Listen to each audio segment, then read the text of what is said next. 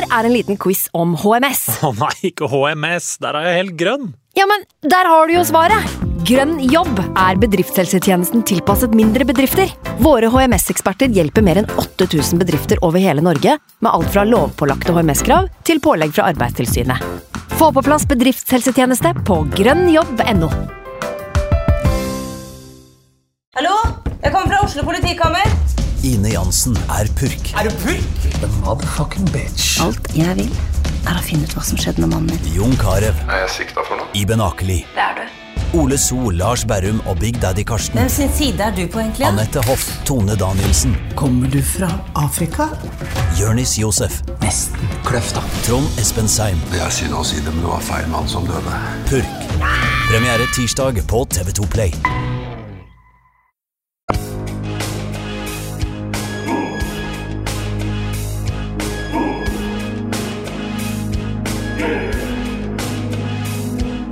69. Den 69. Den 69.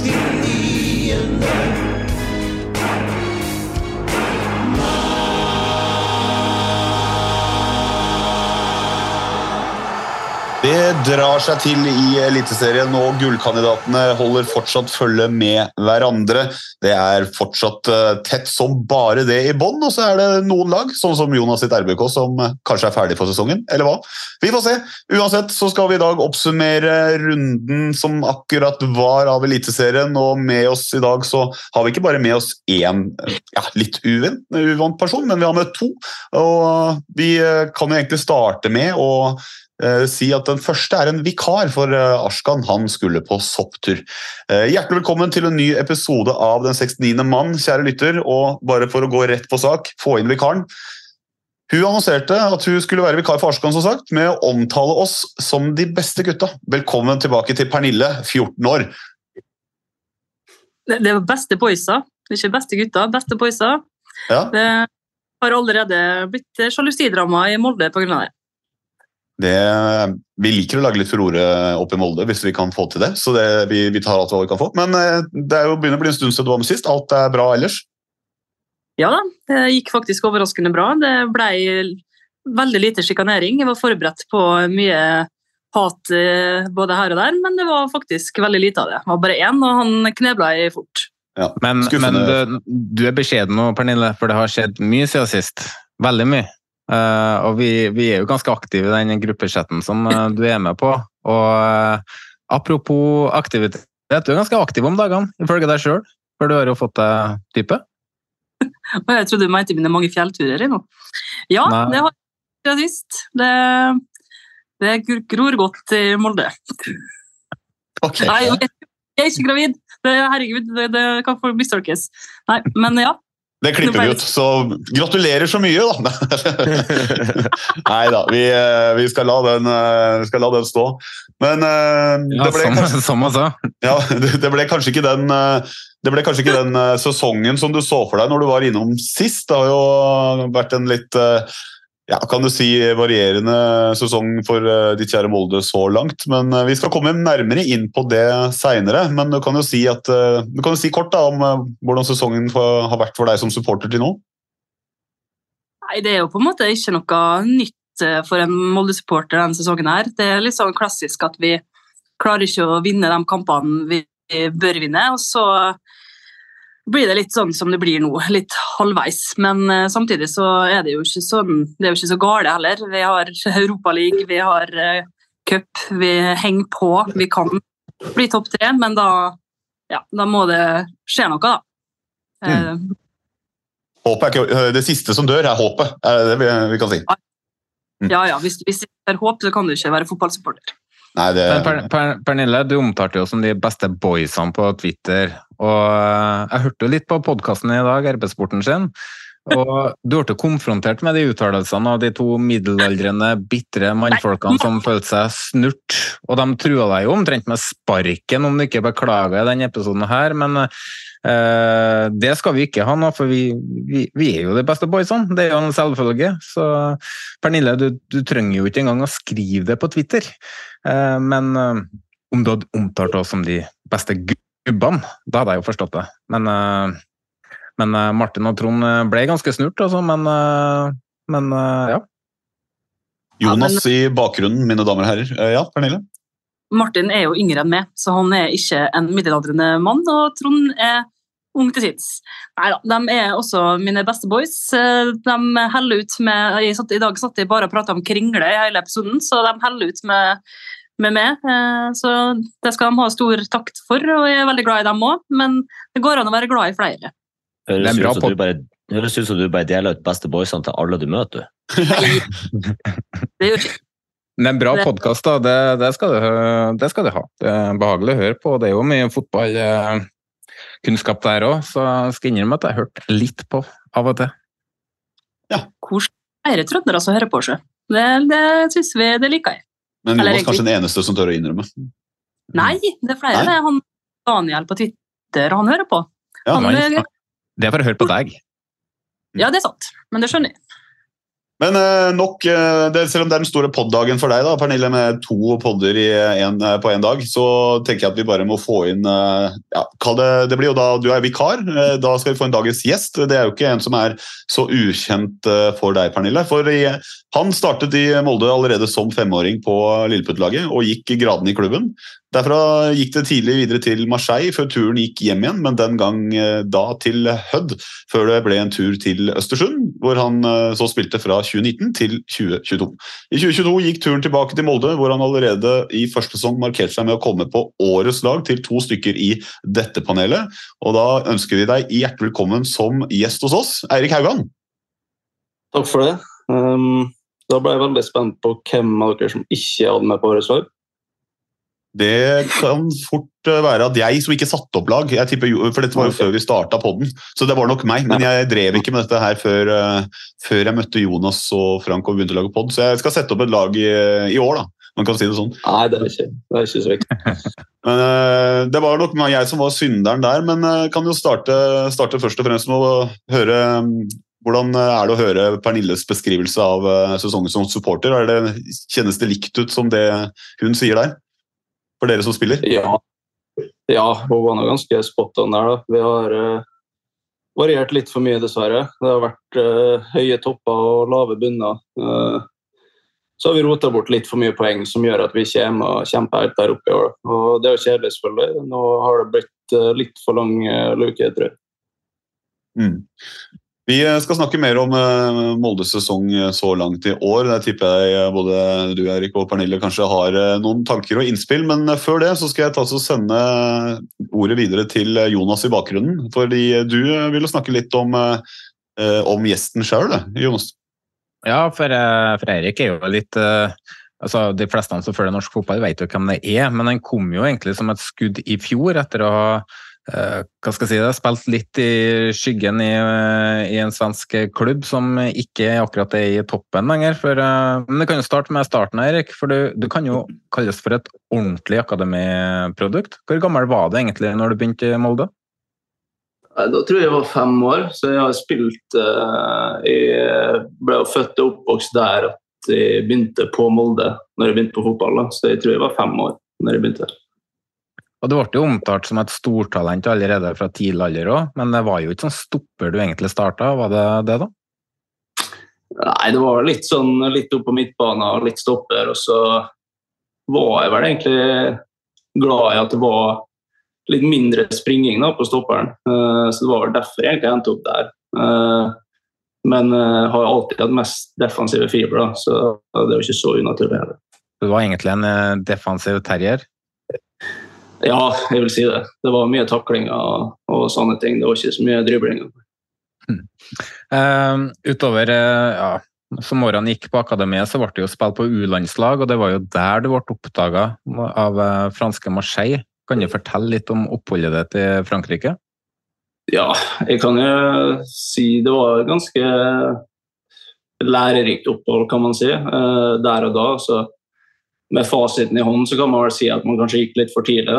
Og, men uh, man vet jo aldri hvor man hadde vært hvis man hadde gjort, uh, tatt et annet valg på den tida. Men uh, sånn som det ble, så var jeg kanskje ikke helt klar for den, den utfordringa det ble å flytte flytte dit som 18-åring alene. Men jeg tror jeg hadde sittet der mer og angra hvis jeg ikke hadde gjort det, enn sånn som det ble nå. Da. Så man måtte, jeg følte bare jeg måtte ta den sjansen. Da. Sånn, jeg var et stykke unna å spille på, spille på A-laget til Molde, og så vil jo alle liksom bli solgt til utlandet. Så blir man litt ivrig da, når det først er interesse fra en klubb, og så går man. Kan jeg bare ta og stille et, eh, et kjapt spørsmål? Hvordan er fransken eh, etter tre år der borte? Så sitter det noe igjen som du kan bruke på, eh, på noen i Molde? F.eks. Pernilla. Skulle du sjarmert Pernille med noe fransk nå? Har du noen glosser? Nei, den, den er syltynn. Altså. Den var ikke så veldig imponerende når jeg var der heller. Og nå er alt, tror jeg alt er vaska bort. Altså. Mm. Ja, men da, da, vet jeg det, for Jonas, da skal ikke jeg avbryte mer. Jeg skal skulle lære dem noe glosa, du, noen som skulle ta på Charlotte i kveld. Ja, det, det, mm, det, var, det, var, det som var trua, ja. Det var det jeg hadde trua på. Ja.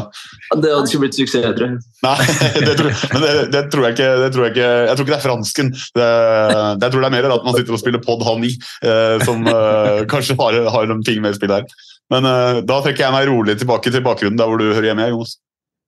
Ja, eh, eh, du var jo der Eller du skrev jo treårskontrakt, og så dro du etter halvannet år, og så sier du at du kanskje dro litt for tidlig. og Akkurat det der er jo en debatt som har holdt på i Norge i mange år. Eh, og så er det jo ikke en fasit, for det er jo noen spillere som profitterer veldig på å faktisk dra tidlig òg. Eh, men du dro jo hjem igjen etter halvannet år. Føler du at det halvannet året som du var i Frankrike, har gitt deg noe som du, som du profitterer på den dagen i dag? Um, ja, jeg tror kanskje det ga meg Når jeg dro fra Norge til Sverige igjen, da, så hadde jeg følt jeg på en måte at jeg var mye mer klar for det. Selv om det er veldig likt Norge, så drar man på en måte utlandet.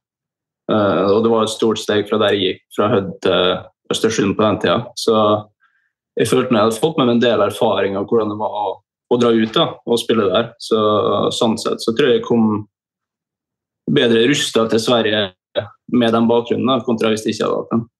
Mm. Men da du kom tilbake, så du er inne på det, du dro til Hødd. Eh, mm. Hvorfor har verden endt opp der, og ikke i f.eks. Molde? Det var vel fordi jeg, var, jeg husker jeg var nærme å dra til Sarpsborg på den tida. Var der og trente et par dager. Men enkle svaret er vel at jeg ikke var, var god nok. da. Uh, og det var samme i Molde. Uh, så da var det sånn Hadde jeg blitt avvist av de fleste eliteserieklubber. Så det var liksom, når man først får det kontrakttilbudet fra, fra Hødda, så bare tar man det med begge armer. Mm. Jeg så litt gjennom karrieren din, og, og da du kom tilbake til Hødd i 2017, så starta du jo første kamp på benken. og uh, ja, Før du var rett og slett ute av troppen, og så var du på benken igjen før du debuterte og fikk 45 minutter mot Vindbjart. Var det skader som gjorde det, eller var du rett og slett ikke funnet god nok der heller på starten? Nei, det tror jeg handla mest om den fysiske formen min, egentlig. Uh, at jeg ikke var helt i form når jeg kom. Uh, det vil jeg, vil jeg, påstå. Jeg, tror, jeg mener på jeg var god nok til å gå inn der fra dag én. Mm. I 2018 så spilte du uh, samtlige 90 minutter, bortsett fra i én kamp hvor du hadde suspensjon. Deretter gikk turen til Allsvenskan, hvor du igjen starta utenfor kamptropp i starten. Deretter gikk det en rekke ja, Det ble en rekke kamper på benken da, før det var inne på laget, og totalt ble det jo tolv kamper i Allsvenskan for Østersund. Sesongen etter så ble det 25 kamper, også det i Allsvenskan, og um, da gikk det ikke sånn kjempebra med klubben, men de overlevde. Og sesongen etter det så fikk du 29 kamper, også det i Allsvenskan, men da gikk det rett og slett uh, rett ned til Superettan og sisteplass i ligaen. Og før du kom, så var jo Østersund hele Europas kjæledegge en periode med suksess i Europa League, eh, for de som husker det. Eh, men du var jo der under hele den store nedturen. Hvordan vil du beskrive den tida der i Østersund?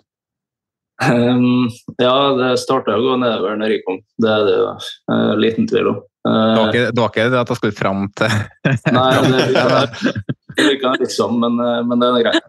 Uh, Nei, jeg kom jo dit, eh, og jeg syns vi hadde et veldig bra, veldig bra lag. Eh, og mange gode spillere. Det var et, veldig stort steg opp for meg å gå dit fra Hødd. Um, og så fikk jeg, jeg tror jeg fikk en skade på ankelen tidlig i sesongen der, og ikke var med i starten.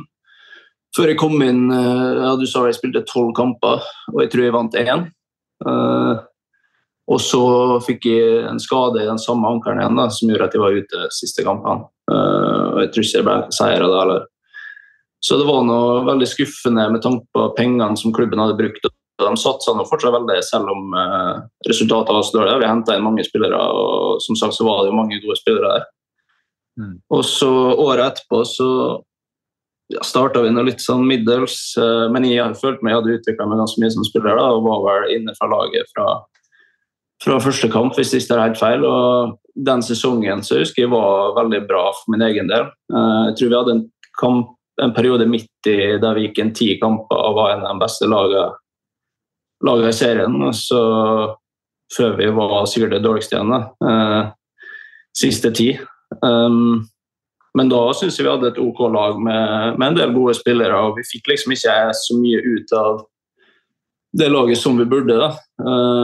Og så var det jo mye kaos i den klubben her, med en eh, ordfører som det kalles, som ble dømt til fengsel og litt av hvert. Og så ble klubben straffa med overgangsnekt eh, de neste to vinduene. Så var det egentlig det som tok litt rotta på siste, siste sesongen. Da, da gikk vi inn eh, med kun to stoppere og overgangsnekt og liksom skade på flere spillere etter hvert. og Det laget vi stilte, var liksom ikke i nærheten av godt nok da, til å holde seg, holde seg i Allsvenskan. Så det var var ikke noen overraskelse for verken oss spillere eller dem rundt når vi eh, rykka ned derfra. Anbefaler alle, alle, å høre When We Were Kings sin episode om Østersund. Den er, den er, bra. Men du var jo i Østersund, som jeg var inne på, og opplevde hele den svære nedturen. Og det må jo være tøft for en fotballspiller å, å stå i det, da.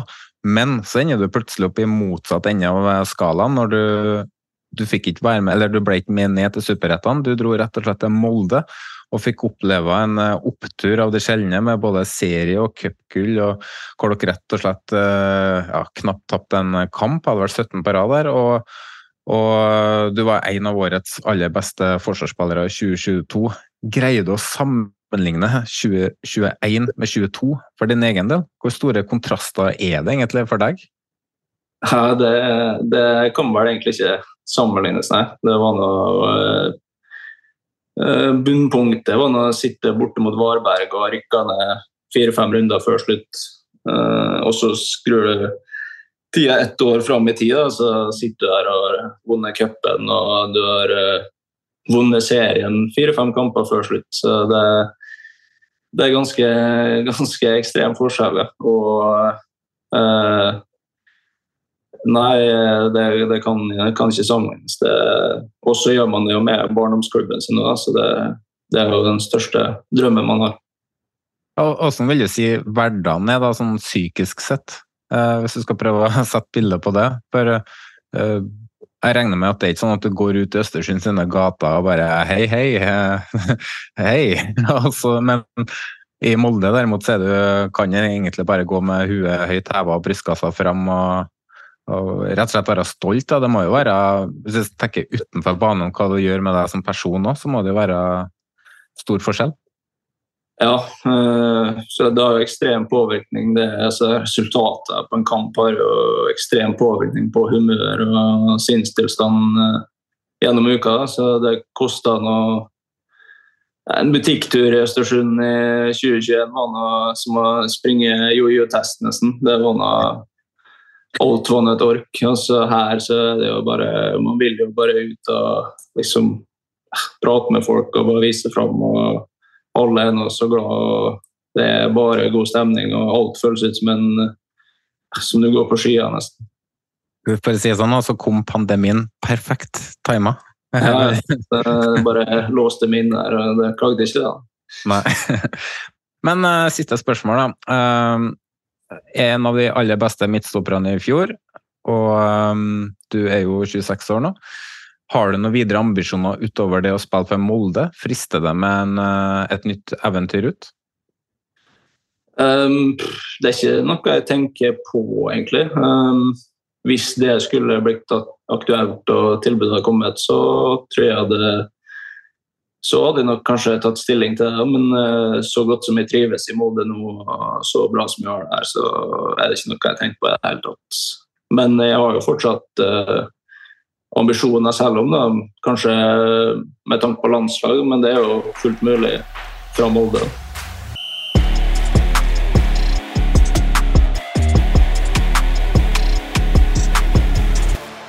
Da tar jeg eh, ordet tilbake. Før eh, vi skal eh, avslutte med noen lyttespørsmål med Frank etterpå, så skal vi snakke litt om Molde 2023, da, altså årets utgave.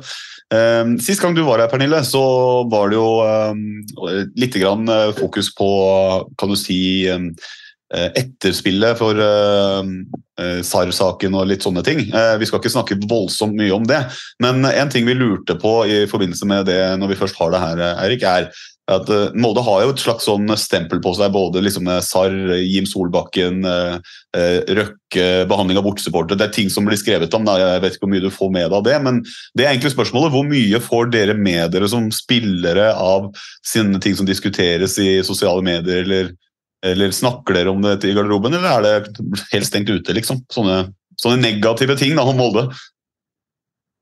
Nei, det er ikke helt stengt ute. og Man får med seg, får med seg ganske mye, selv om man uh, ikke prøver på det. Uh, sånn som Jeg følger nå ingen av Jonas eller Frank på Twitter, men de dukker opp stadig vekk. Så det er liksom vanskelig, vanskelig å unngå. Men uh, liksom, man kan jo ikke ta sånn visse ting enn å bare å flire av, for det er så teit, liksom. Og så og selvfølgelig så er det mye negativitet når man taper kamper. Da må man jo prøve, og man kan ikke la det gå for mye inn på seg. Altså, men det er nesten uh, umulig å unngå å få det med seg. Det, man får det med seg. Mm. Altså, Apropos tape kamper. Også, eh, I år eh, kom dere inn i sesong som regjerende seriemestere, men så har ikke det vært den samme flyten som det var i fjor. Eh, til tross for liksom, en del forsterkninger inn, i hvert fall forsterkninger på papiret, kan man i hvert fall si. Hva, hva tror du er det som, er det som har gått galt for dere i hjemlige serie? da? Um, ja, hva er det som har gått galt? Um, Nei, jeg har egentlig ikke svaret på akkurat det. det I fjor, eh, På slutten i fjor så kom vi jo inn i en sinnssyk flyt. da, man, eh, man gikk inn i en kamp og bare, man skjønte at vi etter hvert så vi vinner uansett. Det er noe samme hva som skjer eller hvordan dag man har. Det, det flyter går nå bare på automatikk. Kontra starten i år da, så kom vi liksom eh, direkte inn i sånn dårlig flyt da, med Tromsø borte, der vi kjørte nå over dem, men vi klarte nå ikke å skåre. Rosenborg hjemme, der vi ikke, at vi ikke klarte å vinne den, var helt utrolig. Og så Lillestrøm borte, en tøff kamp, får et tidlig rødt kort, taper den. Så vi kom jo ganske skeivt ut. da. Uh, så føler jeg liksom det har vært med hele, hele, hele året. Uh, og vi har, vi har gitt bort vi har gitt bort altfor mye poeng i kamper vi, vi burde og skal vinne. Mm. Du, jeg kan ta oppfølging på det. Du sier det litt sånn at I fjor så tenkte dere at vi, dette, vi, vi vinner den her, om man kommer under eller man får en litt vanskelig start. Men tror du det kan ha vært noe allerede i det at man får en sånn uh, smell oppe i Tromsø hvor var både diskutert om det var en ball som var inne, man har egentlig kjørt over uh, Tromsø. At det setter seg allerede så, kan det sette seg så raskt at det, oi, Uh, det bikka liksom ikke over. Er liksom all flyten fra 2022 bare kasta ut av vinduet, eller er det liksom, hvordan fungerer det i en sånn uh, spillergruppe der, da? Uh, nei, jeg tror, jeg tror det er liksom summen av alle de tre første kampene. Mm. og, si, og det starta nå i Tromsø, men si at hvis vi hadde på en normal lag med normal uttelling, så hadde vi nå vunnet kanskje 3-4-1 borte mot Tromsø, her, som hadde vært en veldig bra start. og Kanskje man da bare hadde kommet inn i liksom, ok, vi er fortsatt der fra i fjor. Uh, kontra når det blir tre kamper med ett poeng. da. Og man liksom allerede åtte poeng bak Bodø, tror jeg det var. Mm. ja, det blir noe automatisk litt mer sånn press og må, må vi vinne neste. og liksom blir mye mål og kanskje litt uh, høye skuldre. Mm. Pernille, du var jo litt inne på det som supporter, at det har vært opp og ned. og Det var, sa jo for så vidt Erik også, at det har vært høye topper og dype daler. sånn sett, Men eh, hvis du skal oppsummere sesongen til nå, eh, hva, hva, tenker du Hva tenker du om det du har fått servert, eh, eller eh, det du har fått sett i år, da? Nei, det er jo litt sånn som Eirik sier. Altså det, det har vært mange, mange fine opplevelser, men også mange veldig frustrerende. Og så er det litt sånn Det har vært for mange hederlige tap, rett og slett. Altså sånn at vi, vi burde ha vunnet, og det, den Tromsø borte er jo kanskje en av årets beste kamper for Molde. Og at Molde ikke klarer å vinne den, samme hjemme mot Rosenborg. Uansett hva Jonas og den gjengen der sier, så var Molde mye bedre enn Rosenborg. Molde burde ha vunnet 4-1 der òg. Eh, og det tror jeg har hjemsøkt eh, litt sesongen litt. Og så det, hadde vi også i fjor en liten joker i Fofana også, som kom inn og avgjorde kamper for oss mange ganger. Så kanskje vi bare mangler vi skal, skal ikke gå i den når vi mangler en målskårerfelle, men det har i hvert fall til tider vært vanskelig for oss å skåre, da.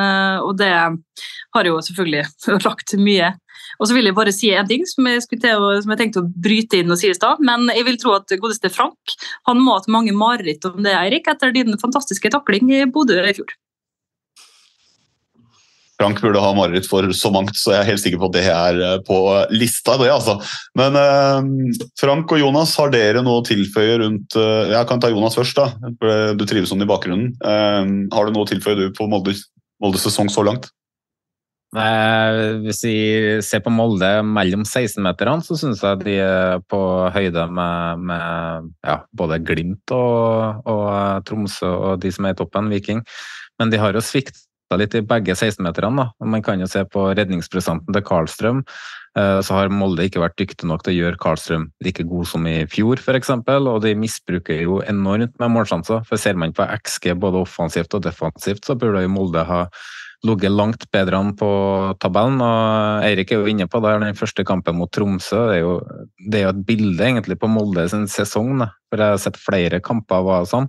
Så snakka vi litt om det før sesongen, her, at vi syns Molde tok langt flere poeng i fjor enn hva de egentlig fortjente, hvis man tar kamp for kamp. Uh, fortjent seriemestere, men uh, det var en del kamper der hvor de virkelig hadde flyt. Og så uh, var vi inne på det at nå starter de på null igjen. Vil de klare å få med seg samme flyten? Det har de ikke, for den har Tromsø tatt over. Så, så og så blir da blir det jo, som man sier, det blir jo et jag hele sesongen, da, i stedet for en med lave skuldre og kan bare ja, kose seg, i stedet for å rett og slett ha det presset på skuldrene. Og så er det jo alltid vanskelig å være regjerende seriemester.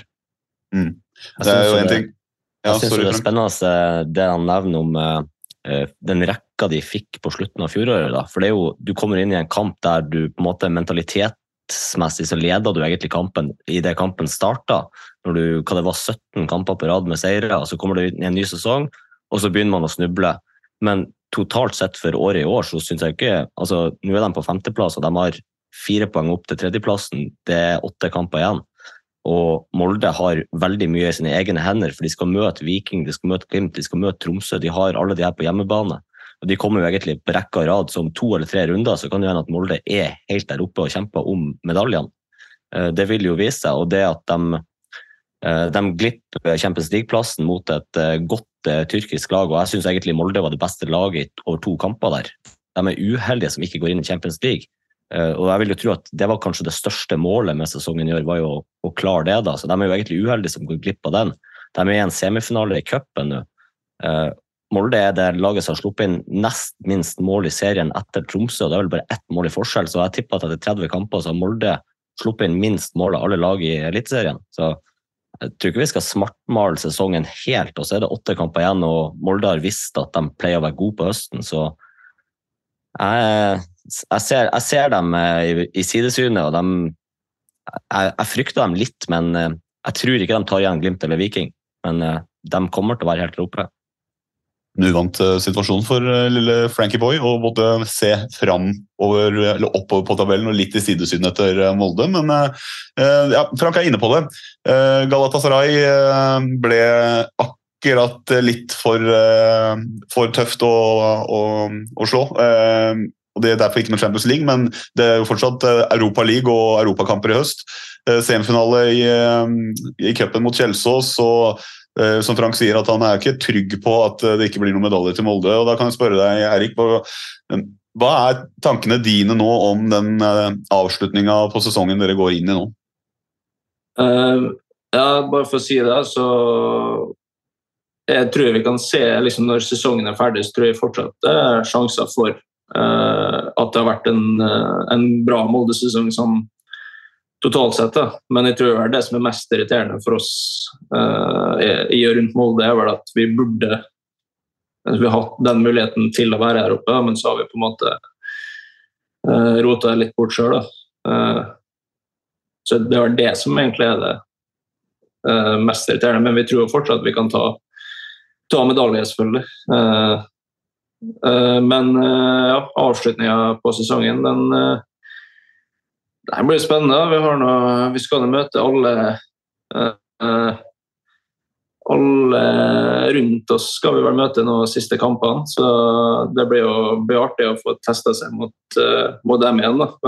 Og så spiller jo dem en litt sånn artigere fotball for oss å møte da, enn de eh, fleste andre lagene i Eliteserien eh, om dagen. Så det, jo, det, bruker å bli litt artigere kamper å se på og spille. Så har vi Europaligaen, der vi skal møte kanskje det beste laget i Tyskland akkurat nå. Og så semifinale på onsdag mot, uh, mot Kjelsås. Så det, det, er mye artig i vente for, for oss og supporterne våre. Uh, det, blir, det, blir, mange kamper og mye å se fram til. Mm.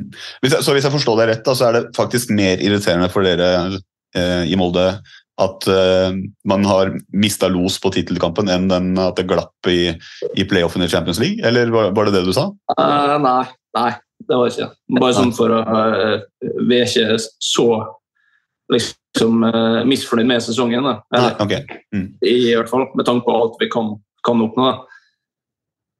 Mm. Men Pernille, hva er dine forventninger nå til avslutning av, av årets sesong? Nei, forventningene er å få et uh, vesentlig høyere blodtrykk. Uh, det blir spennende. altså. Jeg gruer meg litt. Det, men jeg får jo sånne voldsomme kampnerver, så jeg, akkurat nå så er jeg veldig sånn eh, shaky for onsdagen. og det, det kan sikkert folk tenke at det er plankekjøring, men jeg, det tenker ikke jeg. Jeg er selvfølgelig litt, litt negativ, som en ekte romsdaling skal være. Men det blir, det blir, kjempespennende, det blir tøft, og det blir altså Molde ja, Nå skal vi møte Viking hjemme, og så Bodø-Glimt, og så er det vel er det, vel, er det Leverkosen som er før Bodø-Glimt-kampen? Ja. Det er jo eh, interessant. Eh, men Molde, altså, vi har jo vist før at vi tåler det, og vi klarer det. Så jeg, jeg synes det er jo kjempefordel, Vi har jo kjempefordel sant, med at vi møter, møter hele den eh, røkla der hjemme. Men eh, akkurat nå så er jeg mest opptatt av eh, onsdagens kamp, som har et fryktelig tidspunkt klokka fire da folk er ferdig på jobb. Men jeg, jeg syns det er litt positivt, for da slipper jeg å se på. For da må jeg bruke en halvtime av kampen på å komme hjem fra jobb, så da er det litt mindre sjanse for at jeg dør av hjerterelaterte sykdommer. Fordeler, Selv om du ønsker høyere blodtrykk? Ja. Fordeler for Molde, det er fordeler for Molde, for det er ikke sikkert at uh, Kjelsås-spillerne er ferdige på jobb. det er sant. Må se litt hes kaste av jobbklærne på her. Nei, men det er litt sånn typisk sånn ekkel. Eller hvis Molde, hvis Molde skårer først, så tror jeg at det blir et annet kampbilde. Men hvis det er sånn at det lugger litt, og det går en stund før det blir noen skåringer, så det blir litt sånn eh, nerve og stress, da, er, da blir jeg bekymra. Det, det syns jeg er ekkelt på en bitte liten potetåker uh, uten lys. Så nei, men bare sørg for Kanskje du bare skårer, Eirik. Ordne ta, du. Ja, jeg tror ikke det er så enkelt. ja, det, det, det, er en artig, artig, noen uker foran seg. Da, at man først skal liksom uh, opp på tørt kunstgress på, på Kjelsås, og så uh, skal man spille mot uh, Bodø-Glimt, som kanskje har det høyeste toppnivået offensivt i Norge, og så mot Leverkusen i Tyskland. Det er noen enorme kontraster her i løpet av noen uker på hva man møter. og så På sett og vis er egentlig alle kampene eh, egentlig like viktig, bare på hver sin måte i hver sin turnering. Det er jo, eller Hva tenker du, Erik? Det, blir det en eh, artig par uker med sånn litt forskjellige utfordringer i utgangspunktet? Ja, det, det, blir, det, blir, artig. Og det er jo det som er eh, artig med norsk fotball. Er jo at vi skal gå fra å møte Kjelsås, og så har vi eh, Kjelsås borte, og så har vi Viking, Leverkusen og Bodø de tre neste. Så det er sånn perfekt, perfekt opplanding, vil jeg si, til, mm. til de tre. Jonas, jeg regner med at du brenner inne med å si noe om eh, sesongavslutninga til Molde? Ja, jeg hører Frank er veldig positiv eh, da, fordi at de skal møte alle de lagene rundt på tabellen. Men det kan jo være negativt da. De kan jo tape terreng, Også det er jo tøffe kamper. Og det er jo et tøft kampprogram. Du skal nå rotere Molde en del. Har kanskje ikke lyktes like godt med det i år som i fjor, og da er vi inne på flyten igjen. Da. Eh, men eh, det kan, sånn som Brann ser ut nå, Eh, så tror jeg det skal bli vanskelig, eller det blir i hvert fall tight. Det er ikke bare å ta igjen Brann heller, for jeg tror de kan få en veldig fin høst. Bodø-Glimt og Viking tror ikke mm? Jonas, det som er viktig å påpeke, er at Molde har det i egne hender. De trenger, bare, de trenger å vinne ja. de kampene. Så det er klart at det, det blir tøft, men de kan på en måte avgjøre ting sjøl til sin egen fordel. Det, det kan jeg, men jeg er ikke så optimistisk eh, for at de kan klare det. Det jeg spår, det er at eh, Molde kommer på femteplass, men de vinner cupen og tar da den eh, siste europacupplassen, sånn at Brann eller Tromsø ikke får europacupkvalik. Mm. Frank, har du et tips da, på hvordan dette ender til slutt? Jeg er ikke, jeg er ikke veldig uenig med han Jonas, men jeg tror jo at uh, Molde sin sesong, hvis de vinner cupen og det blir femteplass i serien, og de gjør det som passer greit i Europa League, enten går videre i Europa League eller får den tredjeplassen som sikrer dem Europa i Conference League fra våren av, jeg tror de skal tenke at det er sånn passe greit. De er jo selvfølgelig ikke fornøyd med at de ikke er med å kjempe om uh, gullet i serien, men Eh, sånn som eh, sesongen utvikla seg fra starten av, så tror jeg de kan på en måte si at hvis, hvis de ender opp med cupgullet og en femteplass og får Europa, og de gjør det greit i Europa nå i høst, så tror jeg de er sånn, ja, helt OK. Mm. Vi skal ta et spørsmål som Jeg kommer over et spørsmål på, på Twitter. Eh, det var egentlig stilt til RB-sporten, det, altså, men jeg har ikke mindre, noe mindre skam, men at jeg bare rapper det, for jeg syns det var såpass godt og ønsker å ta det her. Det er fra Anders eh, Solfjell Gjerseth, altså faren til Sandi Gjerseth, de som, to som driver den eh, podkasten Fotballfamilien. Du skal få slippe å svare, Eirik, men han spør. Må være betimelig å stille spørsmål rundt trener og transfers i Molde nå. Spillerne kommer seint, og flere i stallen holder nok neppe nivået som kreves. Og selv om maksnivået er meget hva står det? Slid? Silid? Er solid? Eh, er det null utvikling av bunnivå? Eh, Pernille, ta den diskusjonen. Det, det har, har, du kanskje tatt den allerede flere ganger? Det føler jeg. Mm. Nei, altså, jeg syns dette der går igjen år etter år etter år. etter år etter år. Altså, det var jo sånn i fjor òg. Så jeg, jeg vet ikke om jeg er helt enig i det. altså. Jeg syns det Altså Nei, altså, si meg noen som, som er klar til å ta over Molde, som er bedre enn Erling Moe. Det lurer jeg på hvem skal være. Og, Nei, Dag Eilif Fagermo, da. Han er jo ledig. Det er bare å ta Vi. Kjetil Rekdal. Hva sa du nå? Jeg sa Folk hater oss nok fra før. Vi trenger ikke Fagermo. Ja, jeg tenker det hadde vært en fin match. Eller hva, hva tenker du, Jonas? Er det noe i det Anders sier her? Nei, jeg, jeg, har veldig sansen for Erling Moe, eh, det må jeg innrømme. Eh, og jeg syns han er en fin fyr. Svarer godt til media, glimt i øyet. Um, han er som trener er vanskelig å si utenfra, men han har, jo, han har, jo, gjort det bra med Molde. Jeg tror Hvis eh, Solskjær har vært trener og hadde, hadde, akkurat samme resultater, så er det ingen som har begynt å spurt om uh, ny trener eller den slags. Så jeg ser ingen grunn til at de skal bytte ut uh, Erling Moe. Det, det, er ikke mer. Hvis jeg skrur tida tilbake ett og et halvt år, så, så var det en trend på Twitter. Erling Moe out. Da ville Molde-fans ha han ut. Og uh, så går det bare ett år, så vinner, vinner de ligaen. Så jeg støtter ikke den der, men, men respekterer den meninga. Men over til det andre du spør om der, da. Eh, overgangene og sånn, så syns jeg Molde har endra litt kurs der. Fordi de har jo vært best i klassen på å hente eh, potensial, talent. Utvikle de, gjør de til eh, blant Eliteseriens beste spillere, selger de til utlandet, og så lykkes de i tillegg i utlandet. Det er ikke alle klubber som lykkes like godt med Frank. Men um, i år, nå så har de henta Berisha til nærmere 40 millioner. Uh, gikk all in for å kvalifisere til Champions League og lyktes ikke med det. De henta Christian Eriksen i fjor for 15 millioner. Også det en dyr overgang. En bra spiller. Uh, Anders Hagelskjær, god spiller det òg. Styrker bredden, 26 år. Uh, Erik Kitolano, klassespiller, og ser ut til å finne seg mer og mer til rette. Men han, er, han er ikke 22, han er 25. Uh, Fredrik Gulbrandsen nå, 30 år. Eirik Hestad kommer tilbake, klassespiller, og så er han lokal, så det er jo forståelig. Men han er jo 28 år og føyer seg inn i den rekken der. Og ser man på snittalderen til Molde mot Godset, så er den på hele 29 år.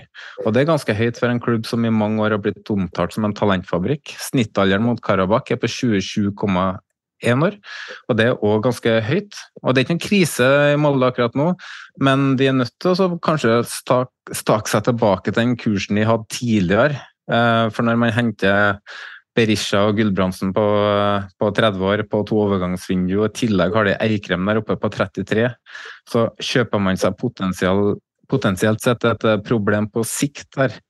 Eh, Så, så etter min mening så bør det kanskje nå begynne å gå tilbake til, til den gamle strategien de har. Og det er jo flere grunner, for på et tidspunkt så vil de få det veldig travelt med å gjennomføre et generasjonsskifte, hvis ikke de gjør noe snart.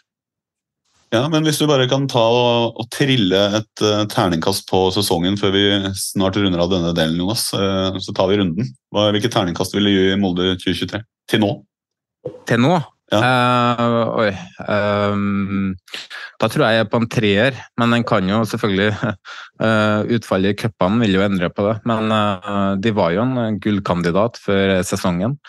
Og um, de, er de er et stykke unna gullet akkurat nå, men de er i semien i cupen og kan vinne den. Og, og så er det at de hangla jo litt i europacupkvaliken, uh, både mot Klaksvik og, og um, så sier Frank at de var uheldige mot Galatasaray. Jeg mener de er udyktige, for det de gjør mot Galatasaray, det er jo det som har gjenspeila de sesongen sett under ett. De klarer ikke å omsette målsjanser til mål. Så um, akkurat nå så er jeg på en uh, terningkast tre, men den kan bli en god del høyere hvis de vinner cup og går videre i Europa. Pernille, terningkast tre fra terningguru uh, Jonas Aune Sunde. Hva, hva vil du gi hvis du skulle gitt en terning på, til nå? Nei, fire. Og så vil jeg bare påpeke at han heter Eirik Hestad, ikke Hestad. Det er en eh, liten kamp vi har. Han heter ikke Hestad. Hestad, som er hest, dyrehest.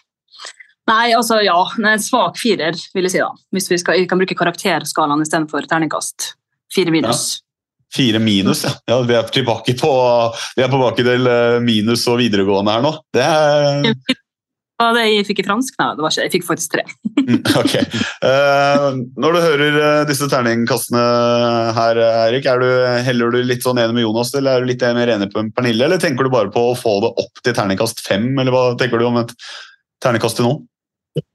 Nei, jeg tenker vi ligger på en eh, firer. Bikker over på en femmer med, med cupfinale og en sterk avslutning her. Uh, Treer var litt streng, syns jeg. Jeg er spent på hva han gir Rosenborg i dag.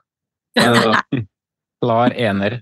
Men uh, det har jo litt med forventningene jeg hadde til Molde før uh, sesongen. Uh, ja. Ja, jeg skjønner. Det, det, vi får se. Vi har som sagt mye å spille om, heldigvis. Så er det opp til oss da å, å klarer å levere noe på slutten, sånn at vi får noe å juble for når, når sesongen er ferdig. Frank, har du trilla en terning før? Eller vil du prøve Ja, første gang her? Jeg har vært på kasino, ja. Nei, jeg, jeg er ikke så veldig uenig med Pernille og Jonas i at det ligger på en type 3-4, men jeg tror at med maks eh, tur nå, så kan de på en måte slå en femmer når sesongen er over, men per nå så er det mellom tre og fire. Mm. Men da, eh, ut fra dette femmer, så er man jo avhengig av å komme til denne cupfinalen. og sånn, hvis jeg forstår det rett, og det er jo det neste som skjer. Cupkamp borte mot Kjelsås, vi var inne på det.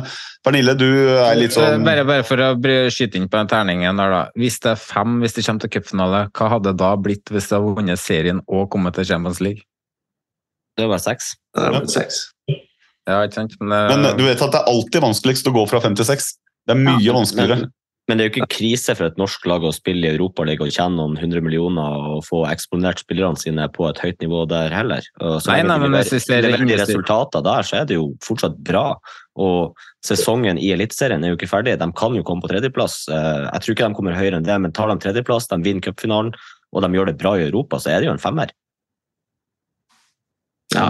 Da kan jeg få spørre Pernille. Eh, Du har vært litt sånn småskeptisk. Eh, Er det, prøver du på deg på en omvendt jinx her, eller, eh, eller har du egentlig trua på at det blir finale? Altså, jeg har jo kjøpt flybilletter og bestilt hotell. Ja, det har det, ja. Det her er det som er jinxen. Det er er kjempe- Hvor mange trøndere var ikke det som bestilte seg flybillett og, og, og hotellopphold når de skal møte Follo på bortebane? Ja, ja, ja. Da sendte hvert Tornekrattet ei kasse med øl, tror jeg, eller brus, eller hva det var. Um, nei, altså jeg fikk litt uh, Det klikka litt for meg i pausen på karten, så, da gjorde jeg det. Men eh, det var, jeg brukte noen bonuspoeng, så det ble ikke så dyrt. Mm. Men uh, Men de kan vel avbestilles òg, så det ordner seg hvis du ryker ut på onsdag. Så da får du vel de tilbake, eller annet sånt. Så det, ellers kan det bli koselig førjulstur til Oslo og se på Kjelsås uh, Bodø-Glimt. Kjelsås-Vålerenga er også et alternativ, da. Men uh, vi kan jo snakke mer om det seinere. Eirik, eh, hvis du skulle spå utfallet av Kjelsås, tør du det? Går dere til finalen, og eventuelt et resultat? Ja, jeg tror vi går til finalen. Si 2-1 til oss, da. 2-1, Sorry. Nei, Beskjedent, men eh, finale. Ja, det tror jeg. Skårer i 86. Og du, det er du som tar den, eller? Som Pernille, på, på bestilling fra Pernille? Uh, ja, jeg, jeg skal prøve på det. Ja. Nei, men eh, det, Med det så runder vi av eh, Molde 2023. Frank, det har kommet inn eh, litt lyttespørsmål, så jeg bare sier at du kan ta det som du har plukket ut derfra. Ja, eh, Herman Oterhals spør hvordan er det å ha din bedre halvdel tilbake på laget, og han sikter vel til da Eirik Hestad. Ja, det, nei, det er veldig fint, det. Han, han er jo en av mine beste kompiser, så det at han kom tilbake, det, det er utrolig artig. Å få spille på det høyeste nivået eh, for barndomsklubben sammen med din beste kompis, det, det er ikke mye som slår det. Eh, Lord Hundnes eh, spør, eller sier på tide å ta et oppgjør med det norske folk om det å koke slash trekke grillpølse. Er det, er det helt vanlig? Var det, var det til meg? Jeg tror det var til både deg og Pernille, og kanskje til alle. Eh, Hva det er kok slash trekk? Det syns jeg. Du skal trekke pølsa, ikke koke henne. Altså når du, når du, du skal, vannet skal koke opp, og så skal du putte pølsa oppi, så skal pølsa trekke. Så vannet skal ikke koke når pølsa ligger oppi vannet. Poenget med spørsmålet her er jo grillpølse, da. Altså, det er Wienerpølse gjør det jo det, men, men eh, det er mange som har hissa seg opp på at uh, man koker eller trekker grillpølse. Det det Ja. Men nå står det jo ganske bra til i norsk fotball når det folk tyter om på Twitter etter serierunden, er kokte pølser. Og nå skal jeg komme med en brannfakkel. Jeg elsker kokt pølse. Men Det er jo han der varianten som ikke deltar i dag, som eh, har eh, fått eh, Jeg kommer, inn på den etterpå i sendinga, Frank. Jeg skal, Vi må ta litt Arskan. Ja. Så det, men det her er en sak i norsk fotball? Ja, altså I Bodø så fikk Arskan, som er, ikke er i dag, han fikk seg, gikk og skulle kjøpe en pølse og var rysta til beinet uh, for at det var kokte grillpølser i bua på Aspmyra, og ikke uh, da enten trekte wienerpølser eller uh, kokt, stekte grillpølser.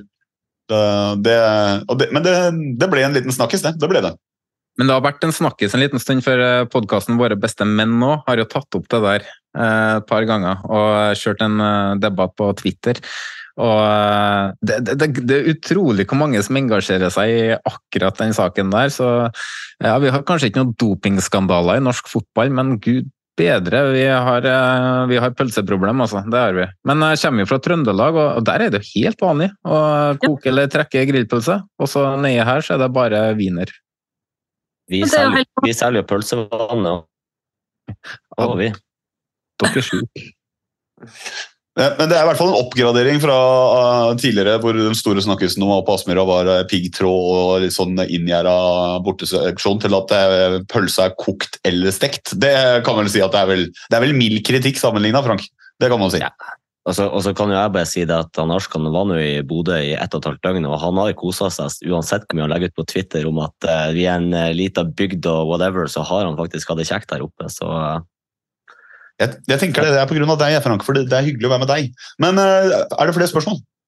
ja da, vi kan eh, skyte inn en fra en uh, godsesupporter som ønska å være anonym etter eh, kampen i går. Eh, han spør er Eikrem fortsatt sur for at en ball som ble kastet ut på banen. Ja. Så Selvfølgelig er han det. Eh, Det er jo ekstremt usportslig.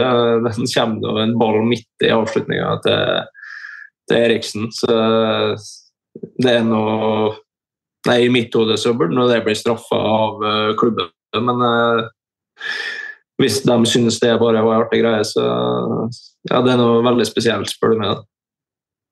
Ingen jeg så på Twitter at det var mange godsesupportere som mente at det var sutrete og klaga på det, men man kan jo tenke sjøl, hvis man hver eneste eliteseriekamp, hver eneste runde skal ha hjemmesupportere som pælmer baller ut på banen i avgjørende øyeblikk, så, så kan det her bli kaos etter hvert. da. Ja, ja, vi har nå tre avslutninger der det ligger en ball rett foran når de skal skyte. Så nei. Jeg noterer bare triks jeg, til kampen på torsdag når vi skal møte Franco og Bodø-Glimt. Så jeg prøver å smugle med meg tre-fire baller og kanskje noen tennisballer og noe greier. sånn. Fordi Badeball? badeball. Ja, badeball, ja. Eh, for det kan man blåse opp inne på stadion. Så det, det, er, det er, hack. Så, for det tror jeg er vår beste mulighet. Da. Ha en sånn sju-åtte baller samtidig, og Pelle ikke vet hvordan, hvem han skal skyte. Og, da kanskje vi har håp på cupfinale. Ja, der er vi med. Men Pelle skårer sikkert på alle sju. Det er sikkert verste. Så Frank, er det mer? Yes. Uh, informant fra Molde, vi kaller henne bare for Pernille. Uh, fuck, marry, kill. Hoseth, Hestad og Eikrem. Uh, hvem hester snakker vi? Men sikker på at det ikke er Daniel, da, for det er at Magne, Magne og Magnus Vi kan jo bare si det, hvis vi ikke vet. Ja, da sier vi Eirik. Sier vi da. Så blir det Kill. Magne. Uh, ja, så blir det Mary, hester, fuck, eikra. den, den, er fin. Uh, Terje Stensønes uh, spør om hva du tenker om publikumstallene på Molde stadion. Han mener på at det ofte rapporteres om over 6000, men mener at det kanskje ikke er mer enn 3000 der. Er det underholdninga på fotballen som spilles at, eh, som gjør at folk ikke kommer på kamp, eller? Um, nei det er noe det, Hvis det er det, så er det litt overraskende med tanke på hvor uh, mye suksess Molde har hatt de siste åra. Uh, hvis de ikke blir underholdt av å vinne, så, så vet jeg ikke. Uh, at det blir opplyst at det er 6000 når det bare er 3000, der er vel et vanlig fenomen i norsk fotball at de teller, teller alle sesongkort osv. osv. Eh, men utenom det så føler jeg at klubben har tatt ganske mye steg når det gjelder eh, å åpne seg opp og komme nærmere, nærmere supporterne eh, osv. Pernille kanskje kan svare litt bedre på det, men jeg, jeg ser faktisk ikke grunnen til at folk ikke skal komme på kamp i Molde. Det stemmer vel at de siste fem-seks årene så har de vel telt antall solgte billetter, og ikke hvor mange som har kommet inn portene. så... Det, ja, det, gjelder, det gjelder jo på alle stadioner, for, for å understreke det.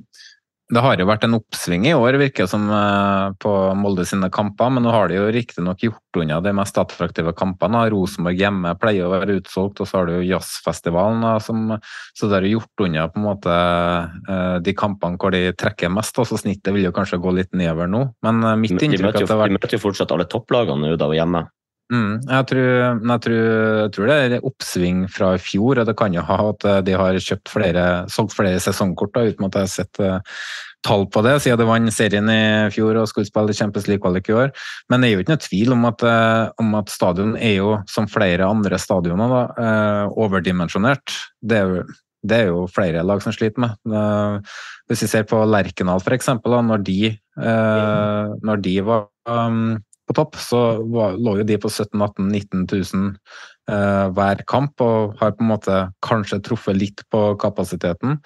Eh, men så ser på Intility f.eks., så er det jo ganske mye ganske glissent der òg. Nå har ikke akkurat de opplevd noe suksess, men eh, i Molde så et topplag mange år på rad burde jo ha hatt nærmere utsolgt hver eneste hjemmekamp, spør du meg, sånn som tiende nå. Det ligger jo også i hvor stor eh, faktisk befolkninga er rundt eh, byen. da. Jeg syns egentlig de tallene Molde leverer i forhold til hvor mange som bor der, er egentlig ganske sterke. Det er bare det at stadion ser tom ut fordi at den er så stor. Ja, det er det jeg mener, at den er for stor. Men mis, jeg vet ikke om dere kan svare på det, men mista Molde mange supportere eller tilskuere når KBK rykka opp? Ja, det, det gjorde vi. Det gjorde for så vidt Rosenborg òg. men ja, det gjorde jeg. Men altså, om det har eh, veldig utslagsgivende, det, det tør jeg ikke å si, altså. Men eh, altså, det var nå, skal vi se, det var hjemmekampen mot Odd. Det var en lørdagskamp. Og da var jeg på jobb, jeg hadde kveldsvakt, så jeg fikk ikke vært der. Eh, men det var trist, det. Og da var det sånn at dem som var på kamp òg, var sånn her Hva er dette her? Det var dritlite folk. Det var kanskje Jeg tør ikke si hvor mange det var, men det var ikke mye over, eh, over 2000. altså. Det var ellers tre. Det var, det var nesten ikke folk der. Eh, og det var, det var, flaut å se. Men det som er litt gøy, da, er at da Molde spilte mot Galatasaray hjemme, og det var utsolgt, så presterte folk å skrive på Twitter at det så glissent ut. Det blir sånn Ja, kan vi på, snakke mer om pølse, liksom? Finn på hva annet. Men, kan, men, det var jo helt sikkert fordi de stekte pølsene, og da blir det jo furore. Så det, da går jo folk i pausen da, når man steker grillpølsene. Så da, da, ser det jo glissent ut, da, Pernille. Men uh, Frank, det var, var, det noe mer uh, igjen, eller? Vi kan ta et siste spørsmål fra Jan Godfrey. Han stiller ofte gode spørsmål. Han spør deg hvem er den verste spissen du møter, og hvem har vært din inspirasjon til å bli midtstopper? Um, ja, si det, da. Uh, inspirasjon uh, Nei, Jeg husker jeg brukte særlig på David Louis når jeg var yngre. Uh, nå til dags, kanskje man skal si Tiago Silva eller John Stones kanskje er dem jeg har prøvd å sette litt på, men det er ikke, det er ikke så mye, mye, av det lenger, egentlig. Okay. Du er langt unna sveisen til han med David Louis? ja. Jeg, nei, det var vel en periode jeg prøvde å spare på, men jeg ga vel opp det når jeg innså at jeg hadde mest sånn stritte håret man kan få. Ikke sjans til å anlegge seg krøllene der, dessverre. Uh, beste spissen eller hvem, hvem du liksom grua deg mest til å måtte møte, liksom? Mm. Akkor på Lillestrøm var ganske vriene. De hadde det meste, egentlig. Uh, Faris er ikke så, så enkel å møte heller. Jeg skal si uh, Akor Adams, da, kanskje. Det er sikkert en god shout-out, det. Stor, sterk, rask spiss som har Ja, etter eh, sånn uh, første jeg kommer på, så må jeg nok si han, ja. Da runder vi av den uh, sekvensen her, og så skal vi uh, ha med deg litt videre, Eirik. Men vi må rett og slett komme i gang med å oppsummere runden som akkurat har vært. Så da kjører vi en liten jingle. 69.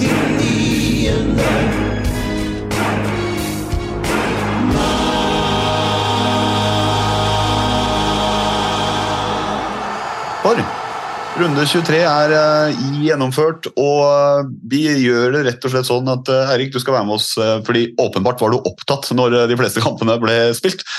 Men du skal være med her sammen med oss i dag, og så skal vi starte med den kampen hvor du var delaktig. Vi skal se på Strømsgodset mot Molde 1-1 på Marienlyst. Og jeg kan jo spørre deg først, da, Erik. Hva sitter du igjen fra den kampen der? Det ble poengdeling til slutt, men Følte du at det var et lite ran, eller hva, sitter du igjen med? Um, ja, ikke sånn kjemperan, men vi starta kampen veldig dårlig. Da. Vi brukte litt for lang tid på å komme i gang. Vi, det var tunge bein og tunge hode etter en tøff kamp i Aserbajdsjan og en lang reise. og Vi brukte litt ekstra tid på å komme i gang, og dessverre så skårte Godset på, på det på at vi ikke var helt der fra start av. Eh, så føler vi tar over kampen mer og mer og ja, kan kalle det uh, Eller vi har solklart mest baller i andre omgang, men klarer ikke å skape så mye. Uh, så 1-1 var kanskje Det var vel ikke et veldig ufortjent resultat, i hvert fall. Hvis noen skulle vunnet, så kunne det vært oss, men uh, dessverre var vi ikke helt, helt oppe der. Så vi klarte ikke å avgjøre. Kjente dere kampen fra Europa i beina på slutten der? At det ikke var liksom den sluttspurten å gi, eller var det rett og slett bare en vrien motstander som gjorde det litt tricky å få, få, hull på byllen? Nei, man kjente egentlig mest i starten. Det var sånn uh, skikkelig seigt å, å, komme i gang. Og det var for meg, og jeg spilte jo ikke engang. Så jeg kan jo tenke meg for dem som spilte 90 nede, nede mot Karabakh der òg, at uh, det, det, må ha tatt på. Uh, fordi utover kampen så føler jeg egentlig vi får mer og mer kontroll, og de blir mindre og mindre farlige. Så jeg tror det bare gikk litt på kvaliteten vår på ja, på det var en del slurv. Vi fikk ballen i mye gode posisjoner, sånn, men klarte liksom ikke å ta det siste, eh, slå den siste lille pasninga for å straffe dem skikkelig. Da. Mm. Den skåringa til uh, Eikrem den er ikke noe å si på. Den, uh, den kan du nyte selv fra forsvarsposisjon, eller? Ja, den, den var strøken. Har noe å si på foranledninga til den, for det, eller dommeren generelt sett i den kampen her. For jeg kikka litt på det frisparket som Molde får først her. og den er diskutert, da, men uh, etter min mening så er det jo frispark feil vei. For Ulland Andersen blir jo rett og slett løpt i bakken der. Uh, og så dømmer dommeren fordel, og så trekker han tilbake fordelen. Men er jo, selve utførelsen er jo verdensklasse. Da. Du, den treffer krystfella, og så ruller den langs nettet hele veien og treffer motsatt side av målet. Men vet ikke, hva tenkte du om det frisparket der? Har du sett det i ettertid, eller? Nei, ikke i ettertid, men når jeg så det fra min posisjon, så tenkte jeg at det var et greit frispark. For jeg ser bare Emil kommer først på ballen, så ser jeg at begge to detter. Så jeg tenkte at det var, at det var et greit frispark. Sånn, sånn jeg ser det i hvert fall, altså, så har egentlig Ulland mellom uh, Breivik og ball. At han på en måte si, Selv om han ikke har ball, så han verner om ballen, så blir han løpt ned. og Ulland var jo ganske sint etterpå. Men så har man jo en situasjon andre veien. For uh, sånn som jeg ser det, så blir jo Linnes nytt for et uh, klart straffespark litt senere der. Så man Det er jo ikke akkurat dømming i verdensklasse, selv om det var et frispark. Ja. Pernille? Nei, uh, oh, ja, sorry, Erik. Nei, jeg bare jeg, hør, jeg hørte at det var at vi skulle hatt et klart straffespark. Men jeg har ikke sett den opp igjen. her. Pernille? Treffer uh, Eirik med sin beskrivelse av kampen, sånn som du så det i går? Ja, bare de er jo mer sånn supportersur, da. Så jeg eh, syns jo at det, det var jo ja, fullstendig ræva første halvtimen. Da var vi ikke, da var vi ikke der, rett og slett. Det virker som jeg hadde null interesse av dette her i det hele tatt. Så jeg skjønner jo selvfølgelig den reisa og jeg skjønner alt det der, men det var forferdelig å se på. Jeg hadde så vondt. Uh, og det er litt sånn Jeg føler at den kampen er litt sånn beskrivende, for det blir sånn nesten sammen med de kampene der vi har leda helt til slutt, og så blir det uavgjort. og det er veldig sånn, åh, Jeg har sittet med en del sånne kjipe, ekle følelser i magen. Men jeg er jo helt enig i at Linnes blir solklart snytt for et straffespark der. Og hva i svarte skal du med VAR hvis du ikke bruker VAR på sånne avgjørelser som det er? Det er så forbaska tullete, det opplegget der, at jeg får ikke sagt det. Jeg blir så jeg blir rett og slett jævlig forbanna. Jeg føler at det har vært sånn mange ganger i år at Molde har fått at veldig lite fordeler av det. da. Eh, og det jo, ja, Vi mener jo egentlig at det ikke er noen fordeler med det hele tatt. da. Det er sånn at Når Molde skårer, da, så venter vi med å juble i tilfelle det blir var. Altså, Det er mange tweets jeg har vært nødt til å slette liksom, fordi at de har tvitra før de har sjekka. Slutt å sitte på Twitter under kamp, da. Under kamp, da er det lov. Men Erik, Erik hva synes du om VAR, du som spiller? Um, jeg syns det er kjedelig Jeg synes det er kjedelig at hver eneste runde så føler jeg at liksom, det eneste man sitter og prater om etter runden, det er VAR og, og dommeravgjørelser. Og når det funker så dårlig og er så lite presist som det er i Norge nå, så er det, ikke, så er det bare å skrote, egentlig. Det gir, uh, det gir uh, veldig lite, syns jeg, og bidrar til det bidrar til å gjøre produktet dårligere. Er det noe dere har snakka om i garderoben, og det er bred enighet om i laget, eller? Ja, det, det vil jeg si. Men uh, før vi går uh, videre og gir slipp på, på gjesten altså, vi kan jo si at sånn, uh, Det har blitt nevnt flere ganger uh, der Molde har det, opp, har det i sine egne hender. og Det er jo fortsatt ikke utenkelig med en en medalje der, men vi kan jo se litt på godset. Det er jo et sånn sett verdifullt poeng, for nå skal jo virkelig mye gå gærent for godset for uh, at de skal blande seg inn i noe som er langt mer alvorlig, nemlig å rykke ned. Kan du si kort, Erik, hvordan tenker du om Strømsgodset under Isnes? Er det hva, hva syns du de leverer i går, motstandere? Hva er de gode på? Ja, de var, de var et ekkelt lag å spille mot. De eh, la seg lavt og forsvare seg 5-4-1, og så kom de eh, helhjerta på kontringa med, med to kanter som eh, kanskje juksa litt, eh, pluss en spiss som ligger igjen. Så de har et eh, rutinert lag eh, med en del gode spillere. og, en ganske, ja, Litt kynisk, men ganske solid kampplan. Så jeg tror ikke, eh, jeg tror ikke de skal ha noe problem med å ta poeng utover sesongen. Mm. Må jo skryte av 1-0-skåringa til Melkers nå, da. For det er virkelig høye klasser på. Så er han jo òg veldig nære på 2-0 der. Når han, er, du, er du i situasjonen der han setter ned tverrliggeren, eller? Ja, det er en inne i boksen. Går han, går han via foten hans i tverrliggeren, eller går han via Molde-bein? Nei, det, det husker jeg ikke. Men eh, det tror jeg bare er det vi trenger å ta om eh, den eh, kampen. Da kan vi egentlig bare eh, ta og si tusen hjertelig takk, Eirik eh, Haugan, for at du tok deg tid til å oppsummere den kampen og deres sesong og mer til her på starten.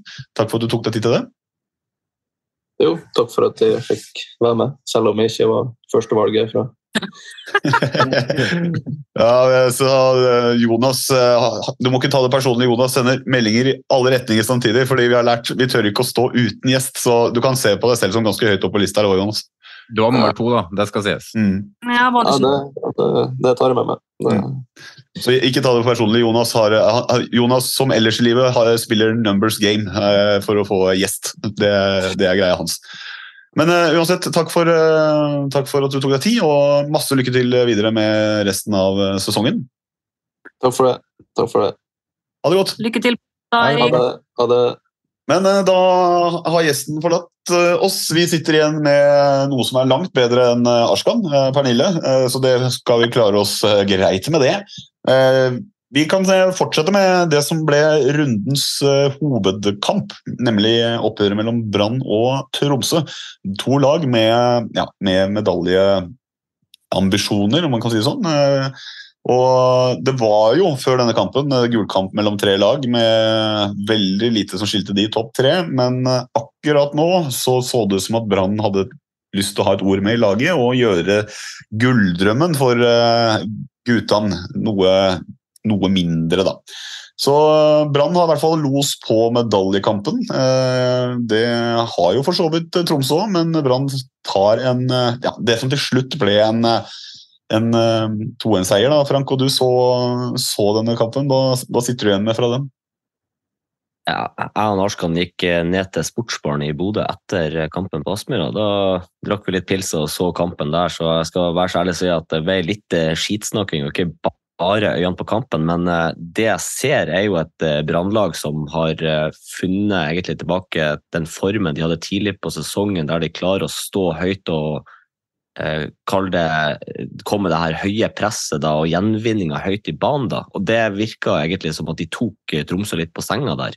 Eh, Begge målene Brann skåra, er jo at de eh, vinner ballen høyt i banen og rett og slett eh, ja, eh, komfortabelt leder 2-0 til pause. og så kan du aldri avskrive Tromsø. De får en straffe på slutten av kampen, og Erlien setter den sikkert i hjørnet. og så sitter jo jeg der og plutselig har nervene utpå kroppen igjen. For jeg sa jo egentlig til han Arskan på vei ned til puben at uh, jeg har faen meg et klokketro på at Brann slår Tromsø i dag. Så Ja, så eh, du, um, du hadde en eh, svær tippekupong, eller en bong, på Brann, da, og så ble du litt redd. Eller var det Gull-Tromsø du ble redd for? Nei, altså det er jo klart at man, man ser jo rundt seg på tabellen når man ligger der oppe. Man, det er jo en annen måte å ha nerver på enn hva det jeg har vært vant med egentlig hele livet. Det at eh, du tenker at eh, faen heller, får vi, berger vi plassen eller ikke? Nå sitter man egentlig og ser på de andre lagene og tenker at faen, jeg håper at de taper, for da taper de terreng i forhold til medaljekampen osv. Det er jo det er en annen måte å ha nerver på, men samtidig veldig likt. Eh, Så, og I tillegg det hatet mitt på Tromsø, ingenting gleder meg mer enn at de taper en kamp uansett. Men ja, godt at det blir ei lita luke der. Og så er det jo Molde mot Viking neste runde, så kan Glimt være tilbake på toppen. Det er jo sånn jeg ser det der, da. Ja, nå skal jeg si det sånn da, at eh, Man ser noe veldig rundt seg på tabellen når man driver og vaser nede rundt nedre kvalik også, så ikke tenk på da! Eh, Det har jeg brukt mye av årets sesong på. Men det er jo En ting er at Brann får los og det ødelegger litt for Tromsø, men Jonas, uh, for, for, Tromsø sin del, hadde du trua på dette Var dette liksom spikeren i kista, eller var det var det egentlig bare litt sånn forventa at det kom til å bli noen poengtap, og at det blir to lag til slutt? Eh, for det første så hadde jeg 2-1 til Brann, så det var ikke noe overraskende resultat sånn sett. Eh, men at Tromsø skulle altså at de skulle gå på et tap bort mot Brann, det er jo ikke overraskende for noen. Og så har vi jo flere ganger i løpet av sesongen her avskrevet Tromsø da, fra ai, nå kom tapet, ja, nå begynner nedturen. Og så, og så er jo der igjen. Eh, det er jo ikke gitt at Bodø-Glimt og Viking eh, vinner åtte på rad heller. Eh, men jeg tror ikke det er nok kvalitet i Tromsø-laget til at de skal stå løpet helt ut. Og jeg tror de har nok med å fokusere på å mm, berge inn den tredjeplassen, egentlig. Og det tror jeg skal bli tøft, for Brann i denne kampen her begynte virkelig å se ut som Brann igjen. da. Det som vi så på starten av sesongen med tæl og trøkk og press og entusiasme som de kanskje mangla fra juli til august. Og så eh, bare for å skyte inn der da, i forhold til eh, det her kampprogrammet som vi har nevnt noen ganger. Tromsø har fortsatt fem bortekamper igjen og bare tre hjemmekamper igjen. Og de kampene Tromsø har snubla nå, Sarpsborg borte 4-0, tap nå i Bergen. De er et bedre hjemmelag enn, et bedre, enn de er et bortelag, så det taler imot dem akkurat i det her, da. Pernille, hvem eh, frykter du For det var sånn Molde skal vel møte både Brann og Tromsø. Ja. Hvem frykter du mest? Jeg vil nesten si Brann, fordi vi skal møte Brann borte. Og Brann i Bergen det er en forferdelig kamp uansett hvordan form Brann er i. Eh, og nå er de jo på gang igjen, så den eh, frykter jeg. Og det er en lørdagskamp, det blir kjempetrykk. Så ja, heldigvis er det mange, mange fra Molde som skal, da, sånn at det kanskje blir litt trykk på, på våre gutter òg. Men eh, nei, den syns jeg, jeg, er skummel. Og så tenker jeg kanskje at Tromsø hjemme det er en eh, kjip mandagskamp klokka ni. Men jeg tenker at Molde også kanskje føler på at de har noe å revansjere fra den grusomme åpningskampen. Um, nei, så absolutt så tror jeg at Brann eh, er skumlere enn Tromsø akkurat nå, i hvert fall, sånn som det ser ut nå. Mm. Men uansett så er eh, fasit fra den kampen at det som var en gullduell med tre lag, eh, kanskje ender opp med å bli en gullduell mellom bare to. Og et av de lagene var på Aspmyra i går. Det var ikke, virkelig ikke to gullag på Aspmyra i går, men Glimt, Frank sitt kjære Glimt tok imot mitt og Arskans kjære og frustrerende Vålerenga. Eh, det blir 4-2. Eh, du og Arskan var på stadion. Jeg så kampen på TV. Eh, ja, kan du spørre deg først, da, Frank? Hva sitter du igjen med, du? Nei, Jeg sitter jo igjen med det at det er forbanna deilig å bare vinne den kampen. fordi at den formen til Glimt har vært så som så i siste, siste perioden. Og ja, det, det å bare Når det er 3-2 til Glimt der, og da sitter jeg med den følelsen. Jeg, står på feltet, vi står og synger, og så ser jeg bort mot eh, stadionklokka, og er jeg 75, 78, 83, 87, og så setter jeg bare med følelsen. Det er så typisk at Vålerenga får det 3-3-målet nå, og Glimt driter bort på nytt. Og så kontra han Pellegrino inn 4-2 eh, i stedet på overtida, og da Da, da fikk du trua på at det skulle bli tre poeng? Ja, da letta i hvert fall veldig mange kilo av skuldrene, eh, rett og slett. Jeg tror skjorta gikk av òg, så Nei, mm. Utrolig deilig å vinne, rett og slett. og Pellegrino leverer fire mål. og eh, Grønbæk har en enorm kamp. og en, eh, altså Sjøvold eh, må jeg få trekke frem. Dæven for et talent vi har i den unge trønderen der. Så Nå har han jo vært brukt i en tre-fire forskjellige posisjoner i år. Nå er han ute på høyre kanten. og altså, det, det, Uansett hvor du plasserer gutten, så virker det som verdens mest naturlige ting for han. Han, han er bare så fotballsmart. og har en stor, lysende karriere foran seg. Så jeg gleder meg til å se mer av han. Mm. Jeg kan jo være Vålerenga-alibiet, da. Eh, i, i denne gang, selv om jeg vanligvis ville sendt ordet over til Ashkan. Men Ashkan ligger med beina høyt på sofaen og en ispose på hodet, stakkars. Så jeg kan ta det, jeg. Jeg så kampen på TV.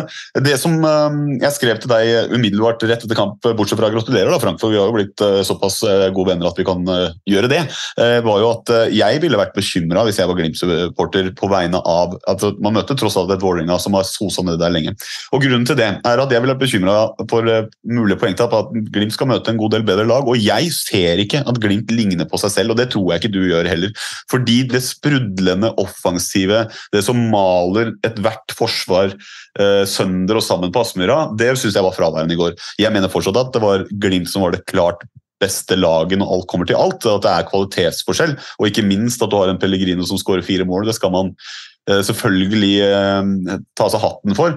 Men allikevel så sitter jeg igjen med det at det er to ganske klønete straffer. Storevik er, kunne trukket i seg armene eller ikke rusa ut. Bitre skulle selvfølgelig holdt de beina nede når han sparker Faris i hodet. Så det er liksom um, det er klønete, og bortsett fra det så syns jeg Glimt har mye ball, men hvis du ser på alle andre parametere, så er det relativt jevnt. Skudd på mål, skudd utenfor mål, taklinger, cornere men altså, jeg, tror, jeg tror du, du, undervurderer ditt eget lag litt her. Altså, Vålerenga har tatt steg nå etter at Geir Bakke har begynt å få satt sitt preg på laget. Eh, dere, ja, har, har dere, dere, har, seks kamper uten tap før denne, så at Glimt nå Og så skåra Glimt fire mål, det er nå men, men, jeg er enig med deg i det defensive til Glimt. Det er jo det 1-1-målet som kommer ganske tidlig i kampen. Det er jo uh, klønete til 1000 av han Brede Moe som Eh, for det første, han Haiken kan jo bare plukke ballen ned, men han Brede Mo han skal prøve å klarere. Fomler det til, gjør at ballen får en lite retningsforandring, den spretter gjennom feltet. Bris Brise er uoppmerksom på Børven. 1-1. Det er jo, eh, det er jo forsvarsspill til stryk på et langt kast. Jo, og det er, det er litt av poenget mitt vent, vent, litt, Jonas, fordi det er litt av poenget mitt er at jeg, kanskje, jeg undervurderer sannsynligvis Vålerenga, for det, det, er, det er klok av skade. Uh, for Jeg klarer aldri å overvurdere eller uh, tro på Vålerenga, omtrent. Det er liksom det jeg har lært opp til. Men uh, det, det jeg prøvde å si, er at Glimt Eh, hvis Glimt hadde vært like eh, skarpe offensivt som det man har sett de kan være, f.eks. i det kvarteret 20 minuttene mot HamKam, hvis det kunne vært 90 minutter igjen, så hadde dette blitt eh, plutselig 6-0-7-0. Men i tillegg så har man fått den der uvanen med litt enkle mål. Og når motstanden kanskje er litt hardere i noen oppgjør, og, når det, når det, og dette mener jeg at når det er så tett med Viking, at det er da jeg ville vært litt redd for de poengene som man kan tape når motstanderen kanskje er hakket hvassere da, i, i, i, begge, i begge ender av banen. Uh, jo da, nå det, tror jeg fortsatt Glimt vinner ligaen, men jeg syns ikke Glimt gjør en uh, spesielt god kamp, sånn som man er blitt vant til å se Glimt. Og det tror jeg kanskje uh, du kan til tider være enig med meg om. da. Du har, du har helt rett i det, for at når du ser hvem de kampene der Glimt har tapt nå, de tapte mot Viking og de tapte mot Tromsø, så, jo, så, har du jo helt rett. Glimt var jo, pga. de møtte bedre motstand, et dårligere lag, rett og slett. De taper jo fortjent i Stavanger. De taper fortjent når Tromsø er på besøk i Bodø i slutten av eh, juli. Så, men heldigvis har jo Glimt også gjort unna de kampene der. Det er jo, det er jo Molde og Brann vi har igjen ut av topplagene. Mm. Jonas, Nei, Det er jo det Frank sier, da, Brennemo kløne til på første baklengsmålet. og det, det, er jo akkurat det der kløninga baki der det har blitt litt vel mye av i det siste. Det er det som gjør at Glimt taper poeng her og der. Det er det som gjør at de slipper inn mål og kanskje blir veldig utrygge. Eh, det, det, det, har nesten vært sånn at det har vært målsjanse til motstanderlaget på femmeter. Eh, så det er akkurat den derre stabiliteten i forsvar som jeg tror kan være som kan eh, ta det til Vikings fordel i år. Da. For jeg tror faktisk akkurat nå at Viking tar det gullet her. Og det mm. pga. defensiv struktur, eller uh, hva skal jeg si uh, flyt bakover på banen, for å si det sånn.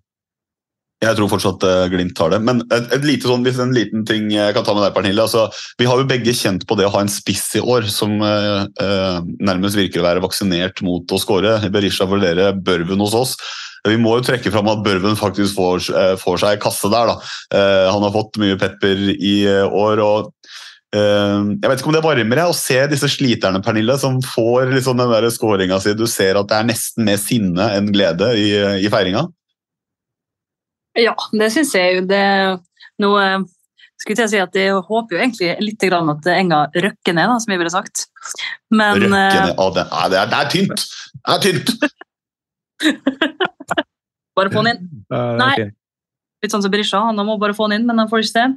Uh, nei, altså klart når Brisja sko, da han skåra mot Haugesund uh, så, ja, det, var, det var kjekt, altså. Det var det. Så jeg, eh, jeg tror Brisja, det blir hat trick på Brisja bort, nei, hjemme mot Viking.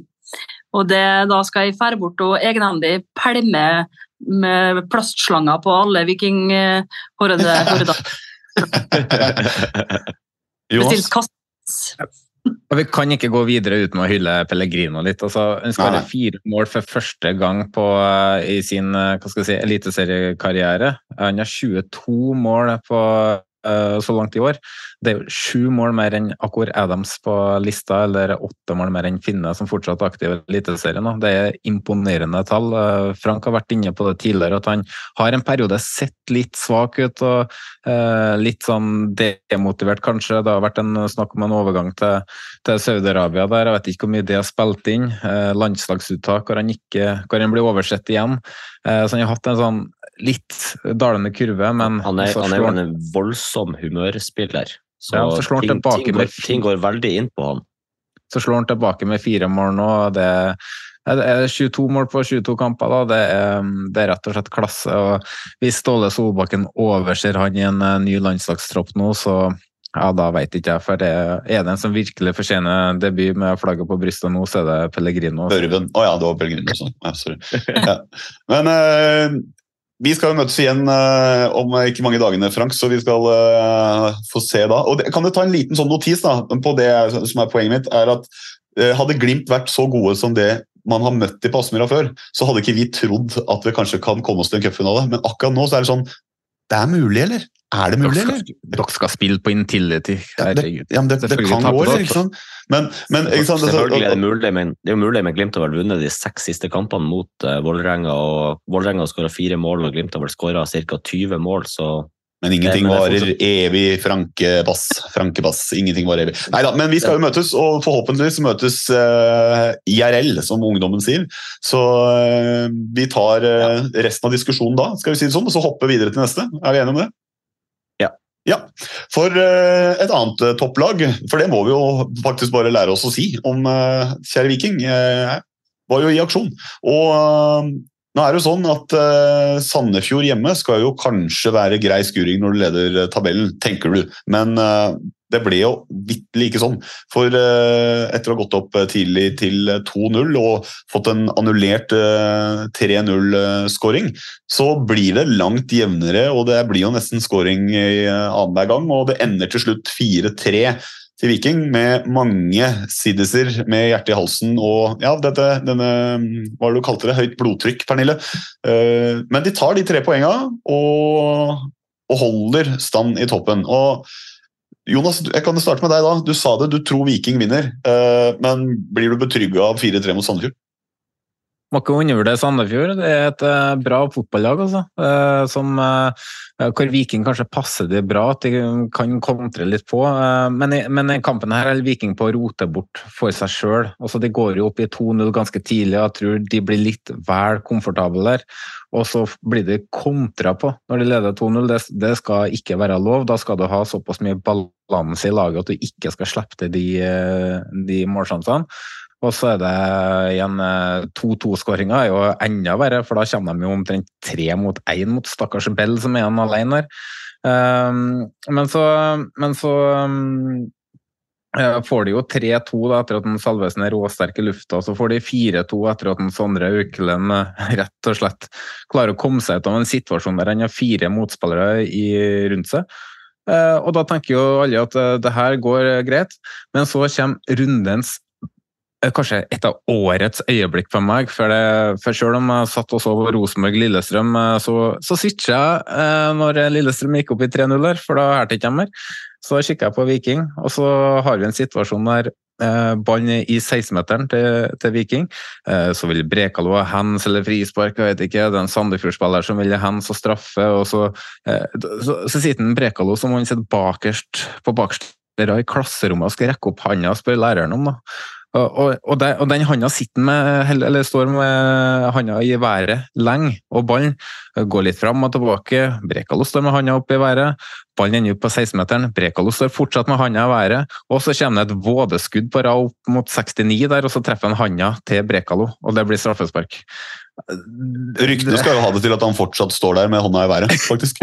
ja, men det, det, det, var så artig, for man kan ikke akkurat si at det var handa i naturlig stilling, for å si det sånn. Men uh, det som skjer, da, er jo at uh, Sandefjord er faktisk veldig nære på å få 4-4 på overtid der òg, når uh, Ruud Tveter får en heading fra en 3-4 meter midt på Gunnarsson der. Så um, Viking holdt nesten på å ødela for seg sjøl i den kampen her, um, men, de, men de berga. fikk tre poeng, så tror jeg kanskje det her kan være en liten wake-up call for dem. Mm. Eh, jeg tenker jo at Viking, som har vært gode med for eksempel, Husker den kvelertaket til Saltnes og treneren kom med nakkekrage og sånne ting. at Hvis de setter den der armen til Bekalo i sånn gips eh, som er over her, for han har blitt skada av å holde over der, det, det, er en liten oppfordring. Om vi kan få til noen bilder som kan få det ut på sosiale medier. Da hadde jeg kosa meg. Men Pernille, så du den Brekalo-hensen, Brekalo eller har du fått med deg noe derfra? Nei, altså jeg, jeg så jo på Molde selvfølgelig og kjeda meg. Så, men jeg fulgte med på VG Live og satt jo og håpte at eh, Viking skulle tape, selvfølgelig. Eh, og, eller i hvert fall spille uavgjort. da. Jeg, jo, jeg, vil jo ikke at Viking skal vinne. Jeg faktisk vil heller at Bodø-Glimt skal vinne, for de takler ikke Viking. Jeg synes Det, ja. Av mine hatlag så er det Rosenborg på første. Før var det egentlig Lillestrøm på andre, men nå lurer jeg på om Viking har sneket seg opp der. Altså. Så jeg ble ja, jeg satt spent, og fulgte med. Heia på Sandefjord. Eller heia ikke på dem, men jeg Håpte de skulle ta det, men eh, nei da. Og så er det jo, venter jo Viking er jo neste hjemme for oss. Så da det kommer det masse det er så artig hvordan folk holder med forskjellig. fordi jeg satt jo og, og niheia på Viking. Eh, gjennom, altså Spesielt eh, når jeg skjønte hvor det bar eh, oppe i Bodø. Eh, så er det jo mye viktigere for meg at Viking slår Sandefjord, sånn at eh, de i hvert fall ikke drar ifra. Og jeg vil jo i hvert fall ikke at Bodø-Glimt vinner, fordi det gjør jo bare svigerfamilien min enda vanskeligere å håndtere når vi skal ha julefeiringer og sånne ting. Så eh, drit i det. Ja, og Frank, er jo, altså Frank er jo den minst slitsomme bondeværingen, ja, bortsett fra Charlotte. Oh, sorry. uh, men, uh, men uh, altså, sånn, altså, Frank har jeg jo lært meg å like. Men det er artig sånn altså, Jeg skjønner jo, Pernille, du, du, holder jo med det som er best for, for, gjerne ditt lag, og at det kan avgi litt poeng og litt sånne ting. det er ikke så rart, det. Men Frank, det var vel ikke noe hemmelighet at du holdt med Sandefjord òg, så du ble kanskje litt, litt skuffa når du så at det var såpass jevnt, eller? Altså, Nå er jeg på kamp, så jeg bruker ikke mobil på kamp. Men jeg Nei, jeg etterpå, da. Og etterpå. kun, kun norskene som gjør det, Frank. Ja, men jeg, jeg sjekka resultatet i pausen, og så ser jeg 2-2 ah, når Viking hadde leda 2-0, og så var det blitt 2-2. Og tenkte jeg ja, faen, det, det, er muligheter, da. Det hadde vært eh, bra hvis om så de bare hadde klart ett poeng. Og så sjekka jeg selvfølgelig kampen, resultatet på vei ned til puben etter eh, kampen er ferdig, og så konstaterer jeg bare det med at ja, Viking vant vel som de burde gjøre. Mm. Eh, men som Jonas sier, Sandefjord er jo ikke noe dårlig fotballag, så det kunne vært et eh, potensielt eh, bananskall. Mm. Og så Kult å trekke fram uh, Daddysboy ny en Tue med mål og assist den kampen her. ja, Jonas? Jeg vet ikke om det har kommet ut, om det står i media, men jeg fikk høre i går at Diagostino han, Det ryktes korsbåndskade på han, og det kan jo være litt skummelt for Vikingen hvis Salvesen får seg en trøkk. Han er eh, ute resten av sesongen, eh, Dagestino. Det har, det har kommet ut, ja. ja mm. Da er det korsbåndskade. Så um, det er jo et eh, stort tap for Viking. For han er en spiller som, selv om han ikke har fått så mye spilletid, så har han jo virkelig imponert å komme inn og hadde ja, betydning for vikinglaget. Da. Så um, der mister de en viktig spiller. Men de har jo Apropos Daddy's Boy, liksom. ja, apropos. Men det nå jeg, jeg, skal kontre med det at Espejord òg mest sannsynlig mista sesongen med den skaden? Jeg, han skulle på MR i dag, og jeg har ikke sett resultatet av det, men de, den historikken eh, legene hadde med, med tidligere erfaringer, er det at eh, han mista mange måneder, og da er sesongen ferdig. Men det er så sjukt hvordan dere følger hverandre. Altså Hvis uh, Bodø-Glimt vinner, så vinner Viking, eller motsatt. Eller hvis uh, Viking spiller uavgjort, ja, da spiller Bodø-Glimt uavgjort. Uh, og hvis uh, Bodø-Glimt får en skada spiss Brekalo blir skada, Bjørtuft blir skada. Ja. Uh, altså det, er jo, altså det, er jo, det er sånn Se og Hør skilt ved fødselen. Det, det, det, er det, det, er det dere driver med nå. Så, men Viking, som du sier, de kan egentlig runde av der. De vinner som de skal, men eh, Sandefjord eh, drar i hvert fall hjem med trua på at eh, de kan få til noe mot nesten hvem som helst når de gjør det der. Det gjør at vi egentlig kan hoppe videre til litt nedrykkskamp, for det har vi også sett på, Frank. Vi satt jo egentlig og skrev sammen, vi, og så begge to. ÅFK, eller Ålesund, da, om jeg kan ta det ordet i mitt munn, Pernille. eh, mot, det er med- eh, En gang til. De er så ubetydelige at det kan du bare si. Det driter jeg i. Ok, eh, men eh, vi så i hvert fall den kampen, eh, og det blir 1-1. En kampen begge egentlig må vinne, så er det ingen som vinner. Og hva sitter du igjen med derfra da, Frank? Eh, Jeg sitter igjen med en kamp jeg faktisk fant underholdende, men ikke fordi at det var god fotball. Eh, Det var rett og slett fordi det var en nerve i det, og det skjedde mye, men det var piss dårlig kvalitet fra to lag som fortjener å ligge nede i bunnen. Eh, at eh, Ålesund og Stabæk er de to lagene som rykker ned nå, det er jo høyst sannsynlig, og jeg, ser ikke noen umiddelbar effekt av det her trenerbyttet i Stabæk enda i hvert fall. Skal sies at uh, Petterson i Stabæk-målet leverer en av de sjukeste redningene i år, rett før han da slipper inn 1-0-målet, så type fem sekunder før. Så det er jo så katastrofe forsvarsspill etter at han gjør den redninga, som bare lar eh, Ålesund spasere forbi en tre-fire mann og bare banke ballen i mål etterpå. Eh, og så har du jo den assisten til han eh, Vinge, er jo eh, Altså, det er pornografi, den hellflikken der. der. Pernille, du eh, sa at de er ubetydelige i Ålesund, men eh, det stopper deg vel ikke fra å holde med Stabæk i en sånn kamp? Nei, eller sånn Når Ålesund er så dårlig som de er, så altså, har ikke så mye å si. Men det som var fint med den kampen der, da, var jo at eh, de spilte jo for han eh, Syver, tror jeg han heter, som har fått eh, barnedemens. Så de dedikerte jo kampen til han og hadde stort tog til stadion i forkant av kampen og, for å sette fokus på den sykdommen, så det syns jeg var veldig fint. Så da det var et innslag på Dagsrevyen eller, Oi, den hørtes så gammel ut, så Dagsrevyen. Um, men, eh, som vi så faktisk før eh, kamp på søndag, eh, så da ble jeg faktisk ganske rørt. Syns jeg var fint gjort. dem. Da tenkte jeg sånn, ja ja. Da kanskje Unner dere de tre poengene dere fikk med oss eh, 16. mai. Men det mener jeg ikke nå lenger, da. Men akkurat når jeg ble rørt, så syns jeg at ja ja. For en god sak. Ja, det, det som skjedde før kampen, kilte litt på nostalgipungen din, om vi kan si det på den måten. Ja, nei, men jeg synes det er fint når de gjør sånne ting. når Han er jo også i tillegg, han er jo stor i ihuga Ålesund-supporter, så jeg synes det er så fint når fotballen tar det ned på sånt helt menneskelig nivå da, og viser liksom støtte til supporterne sine, sånn som det der. Det synes jeg vi må ha mer av. Og så må vi vel skyte inn her det at eh, Ålesund er mest sannsynlig snytt for seieren i tillegg her. For det er jo en veldig kontroversiell eh, annullering som skjer eh, på stillinga 1-1. Ja, altså jeg, jeg, jeg, jeg skjønner fortsatt ikke hva det blåses for. Jeg har sett det så mange ganger. og Jeg tror egentlig ingen andre enn eh, Det er vel Aslan som dømmer den, er det ikke det? Det var Aslan som dømte den, og når han dømmer en fotballkamp, så pleier sånt å skje. Ja, ja det er jo én ting, men jeg, Også- jeg, også jeg tror også han er den eneste som fortsatt forstår hva som blir blåst på. Fordi det er jo ingenting å blåse på. Er det det? Er Det er jo ikke det. Og så er det arrogansen han ofte har i tillegg. uh, I etterkant, den arrogansen han viser med det at nei, eh, jeg har dømt rett osv.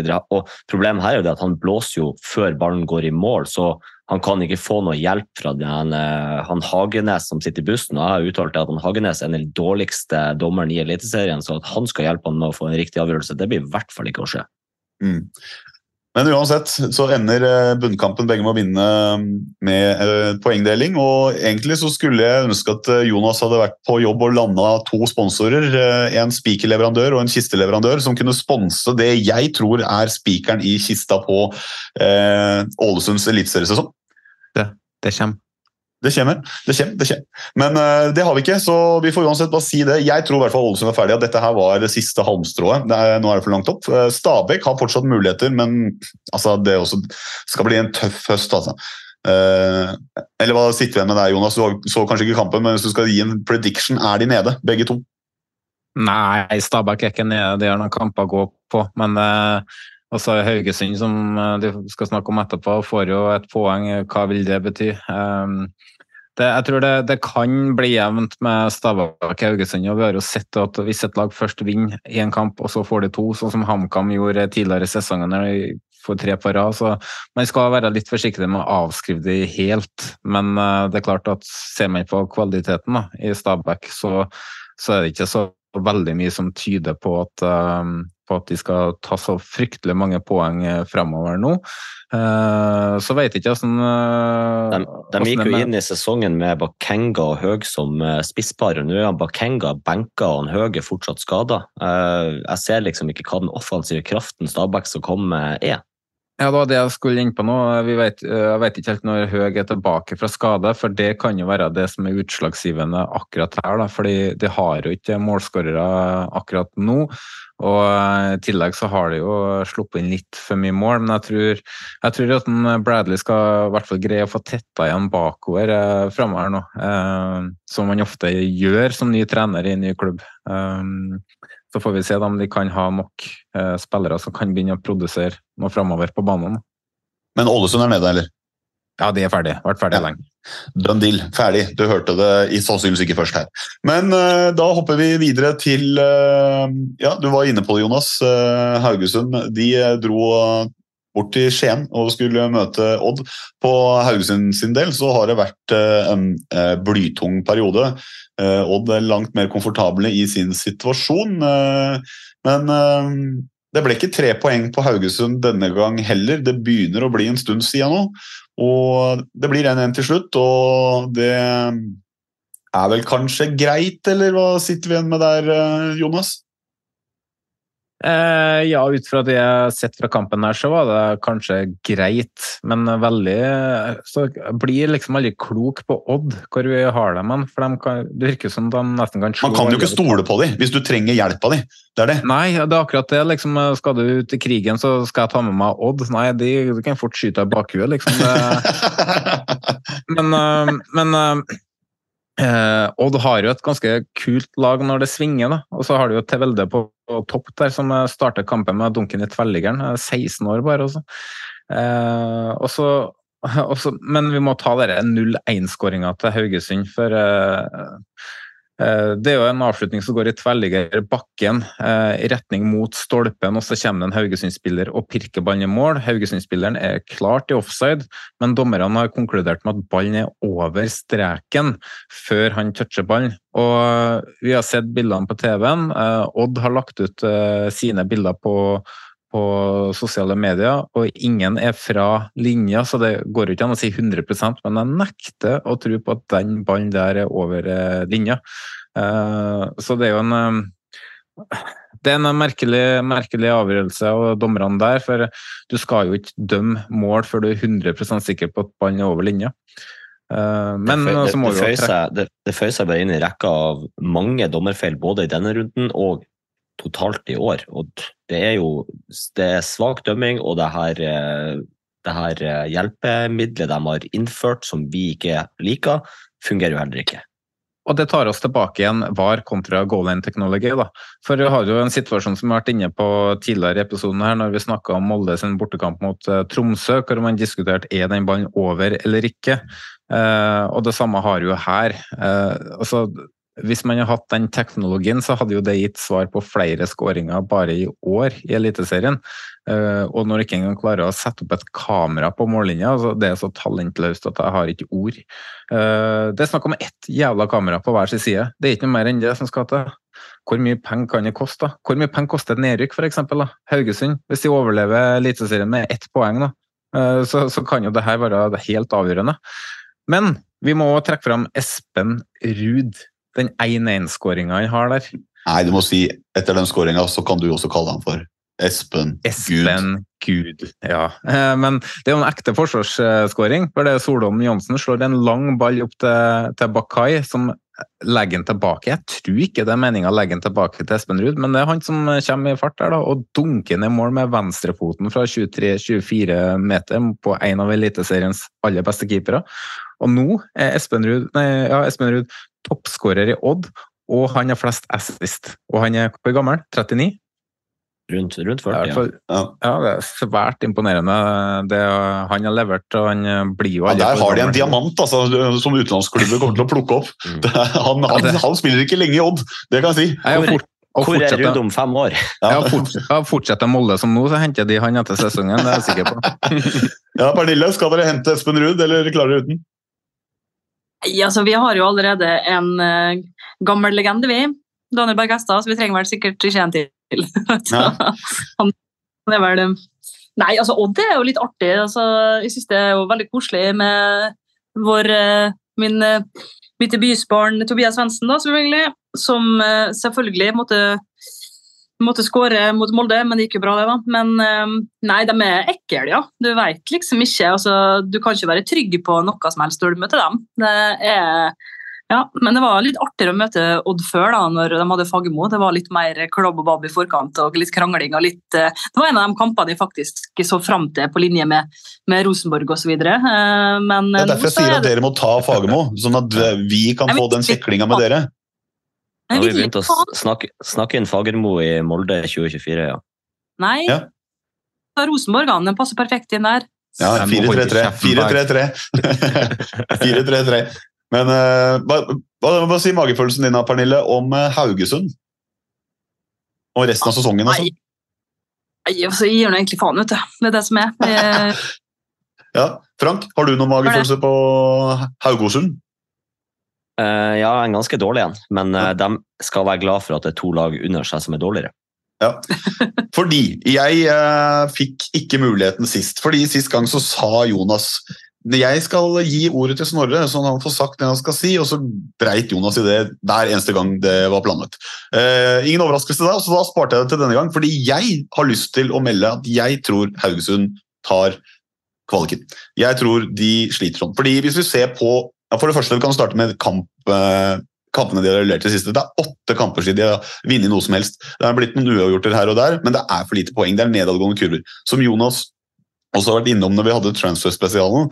Det har vært eh, mange vinduer nå med mye rart eh, på spillerlogistikksida. Og jeg så for eksempel eh, Jesper Mathisen mente at eh, til å ha den stallen til Haugesund, så burde det ikke være her det er. Jeg er helt uenig, fordi jeg syns ikke stallen er spesielt bra. Det, det er to staller per nå som jeg mener kanskje er hakket dårligere, og det er de to som ligger under.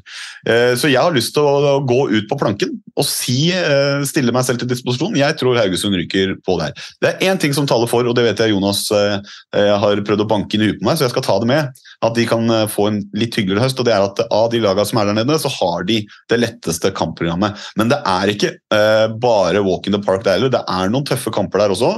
og de trenger å begynne å plukke poeng. fordi hvis du ser på sånn som Kamma de har hatt noen gode perioder. Sandefjord er ekle å møte for nesten hvem som helst. Vålerenga har sett mye bedre ut under bakken de siste kampene og plukka poeng.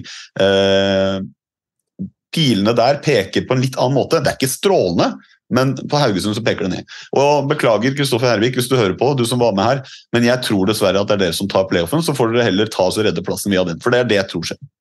Er det noen som er uenig i det, så kan dere rekke opp hånda nå, eller så går vi videre.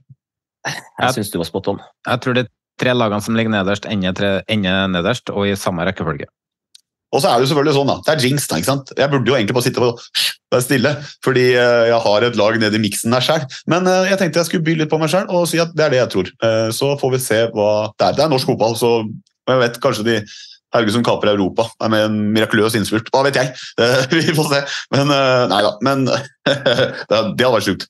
Eh, nok om eh, Odd Haugesund. Eh, vi eh, har to kamper igjen, og vi må se på, på de også. Og vi kan starte med da eh, HamKam, som tar imot Sarpsborg 08. Og eh, ja, vi kan vel si da at Sarpsborg eh, skal på en måte ingen steder opp eller ned. Kamma er de som har sett tryggest ut av de der nede, eh, men de fikk en gyllen mulighet her nå. Det kan vi si. Eh, fordi eh, det ender 1-1, men de spiller jo over en omgang med én mann mer og får denne tidlige utligninga etter at Sarpsborg tok ledelsen med Torp i første omgang. Det er for øvrig Moses Mava sin skåring. Det må være en av de første skåringene jeg har hatt på årevis i Eliteserien. Men det var ikke nok. eller hva, Jonas? Det, det var en gyllen mulighet som glapp for HamKam her for å ta et solid steg unna den uh, nedrykksstria. Ja, det var, det var, jo det, når du får spille så lang, lang tid med en mann eh, mer. Men så er jo Sarpsborg et lag som er veldig bra med ball, så, så de, de, håndterer det jo ganske bra, egentlig. Eh, du får jo 1-1 eh, der, klassisk fra back to back eh, før Mava pirker den inn. Um, men uh, faktisk så er jo Sarpsborg ikke veldig nære, men de kunne jo faktisk ha tatt alle tre poengene på slutten der òg. Men uh, ja, det er uh, Sarpsborg kommer jo veldig Eller Kamma kommer egentlig best ja, gang da når de Kongsrud setter ned stolpen, og så får jo, får jo Sarpsborg ei kjempeskåring med Torp der. Men vi må snakke litt om den taklinga til Niklas Sandberg på Bjørlo, for den er ordentlig stygg. Og når man ser mm. beinet til Bjørlo som, som, så vidt sitter litt eh, fast i bakken, her, så er han jo egentlig heldig at han ikke ryker et eller annet. Altså, sånn svineri som det der må vi få bort fra fotballen. Altså. For det der kunne potensielt ha, ha knekt bein, rett og slett. Så ja. Frank?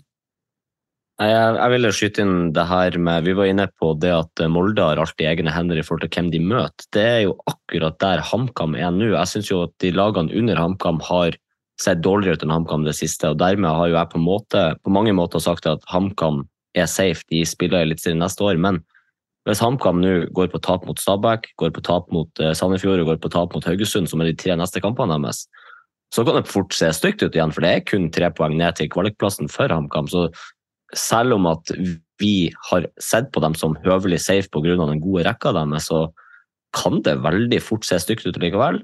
Eller så kan det hende at de vinner det her, og så er de langt, langt unna og slipper og kan senke skuldrene veldig snart. Mm. Pernille, tror du han kan være eliteserien neste år? Ja, jeg håper det. Jeg syns det er artig, et artig lag, egentlig. Litt sånn uh, Obos i Eliteserien, på en måte. Litt sånn den stemninga jeg får av dem. Uh, Feld, altså, Litt som Molde man gjør. årets verste borteseksjon, da. Ja, ja. Hvis vi skal henge Udiskutabelt. Det, det har vært noen varianter. Men, men, det var før de bytta plass, vel? Det var når de var bak målet. Nå har de vel flytta ja, Det var der Molde var, var ikke det? Dere sto på sånne der paller, gjorde ikke det? Ja, vi sto på sånne, sånne ståltribuner, ja, som var ja. helt skummel. vi, vi var jo der. Ja, og med, altså, med festivaldo, og det var det for så vidt året før òg, da. Eh, men det er ja, nei, det råd, rå, da. Festival, festivaldo finner du flere plasser, men eh, nå er de jo flytta over på langsida. Ja, det er bra, for der var det, der var det vel vi var um, året før. Da var vi der. Men uh, i år var det helt det var, Men det var, nest, altså, det var noe litt sjarmerende med det òg. Men du så jo ingenting pga. nettet som hang foran. Um, men vi vant. Men nei, jeg liker HamKam, jeg også. Eh, også. Men HamKam har vel Molde i siste serierunde eh, her. Eh, sånn at hvis det er litt sånn spenning der, så kan jo det bli en veldig skummel kamp for dem. Har dere bygd klar en sånn provisorisk palletribune til de kommer? Ja, det har jeg begynt å gjort. Jeg har vært på Hustad fengsel og fått uh, snakka med dem der, så de er i gang. Nei, jeg har ikke det. Men jeg kan gjøre det. Jeg, kan, jeg er jo ikke særlig flink til å snekre heller, så det blir skikkelig dårlig i tillegg. da. Ja, skal du, du snekre bortetribunene til uh, HamKam-supportere? Det, ja. det, blir bra. Men Jonas, må tilbake litt til det røde kortet. Eh, hvor mange kamper mener du en sånn takling skal gi? Altså, jeg tror ikke han gjør det med vilje. Da, for Hvis vi ser et stillbilde fra rett før situasjonen, så ser du at, eh, at Bjør, eller, ballen er ganske synlig for Sandberg. For Bjørlo verner ikke om ballen akkurat når han bestemmer seg for å gå ned. Og så setter jo Bjørlo foten eh, foran, eh, og så blir han eh, kvista. Så det er et uhell. Jeg tenker to kamper skal være greit der. Så har man en takling i Obos-ligaen som er ti ganger verre, med Sinian fra Nei, hva han heter Jeg husker ikke navnet på han, han som spissen som var i KFUM og FK Tønsberg. Som kvister motspiller og kanskje styggeste taklinga vi har i norsk fotball i år, hvor han protesterer etterpå. Eh, sånne taklinger, der kan man begynne å snakke om fem-seks eh, kamper, men eh, den her tror kanskje to-tre kamper er maks. Et siste ord, Frank, før vi runder av. Når han faktisk drar oss inn på Obos-ligaen og vi er i tilfeldigvis snakka om Sarpsborg-kamper, så er det jo duka for Østfold-derby neste år, da. Mm. Ja, For, noen skal ha til at det er Norges største hatoppgjør. Vi må videre! Eh, vi uh, må rett og slett se på Lillestrøm-Rosenborg. Så i god, nei, men i god tro eh, så bare går jeg og henter meg noe mer drikke. For Jonas, hva sitter du igjen med her? Nå skal du ha det til at jeg skal snakke om Rosenborg, men de siste gangene så har jeg jo egentlig snakka om motstanderlaget, helt til Snorre begynner å spørre meg om Rosenborg. Men bare hold det gående, for jeg skal hente noe å drikke, sa jeg, så da kan du ta folk gjennom kampen. Ok, jeg skal, jeg skal prøve, jeg skal prøve Snorre. Skal vi snakke litt om Snorre? Eh, hva, hva syns du egentlig om Snorre, Frank? Nei, nå syns jeg du skal holde deg til kampen. Nei da. Um, nei, altså, kampen starter jo litt sånn som uh, litt stillingskrig, og så, og så um, etter hvert som minuttene går, så får Lillestrøm eh, kampen i sitt spor. Det blir dueller langs bakken, det blir dueller i lufta. Eh, et kampbilde som Lillestrøm håndterer langt bedre enn Rosenborg. Og så begynner det å komme sjanser, og det er til begge lagene. Eh, Rosenborg har jo jeg tror det var to store sjanser som man bør omsette scoring hvis man skal ta poeng på, bort mot Lillestrøm.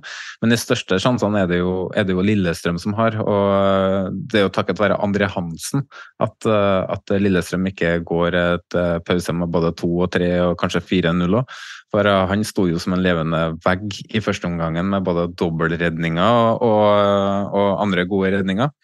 Eh, Men så, mm, som jeg var inne på, så får jo Lillestrøm kampen i sitt spor. Det blir en eh, kamp gutter mot menn, og eh, Lillestrøm vinner jo klart for sent etter tre dødballskåringer. Så får jo Nelson et eh, rødt kort, som jeg mener er feil i den situasjonen isolert sett. For jeg mener ikke at det er et gult kort, for Hedenstad spar, eh, treffer jo Nelson når han, eh, når han eh, sparker, og klart, klart frispark. Men Nelson burde hatt et direkte rødt kort en liten stund tidligere, når Kåren kommer inn i en eh, ordentlig stygg takling som jeg mener burde resultert i klart rødt kort, da, hvor det ikke ble det. Så det ble jo rettferdig sånn sett. Så nei, fullt for sent eh, seier til Lillestrøm, og jeg skal litt innom Lillestrøm litt seinere i eh, episoden. Du holder fortsatt på, jeg må nesten hente meg noe mer å drikke, for det her bare raser av gårde. Nei, men Frank, eh, så du noe progresjon og utvikling på Åråsen, du, eh, når du har sett høydepunktene? Nei, eh, progresjon og utvikling vi, vi har vært inne på det her. Det er jo på en måte en sesong som på, er litt sånn ferdig for begge lagene. da. Det, det, det de har å spille for nå, er jo plasseringa og eh, for fansen sine. Eh. Men dette her er jo et oppgjør som betyr noe eh, eh, for eh, supportere av begge lag, for dette er jo en klassiker. Så det, uansett om det er tabellplassering eller ikke, så må du gjøre ekstremt vondt. Da. Det kan jeg egentlig spørre Jonas om. Jo men, eh, jo, og så- og så stiller jo Kjern de stiller jo mannsterk som de har gjort egentlig på alle bortekamper i år. De, de møter opp og, eh, og bidrar med det de skal bidra med. og eh, Et, et, et sånn bortefølge fortjener jo et bedre fotballag, men ja. Reise rundt og bare reise rundt. Er ikke det det sier, Jonas, på bortetur?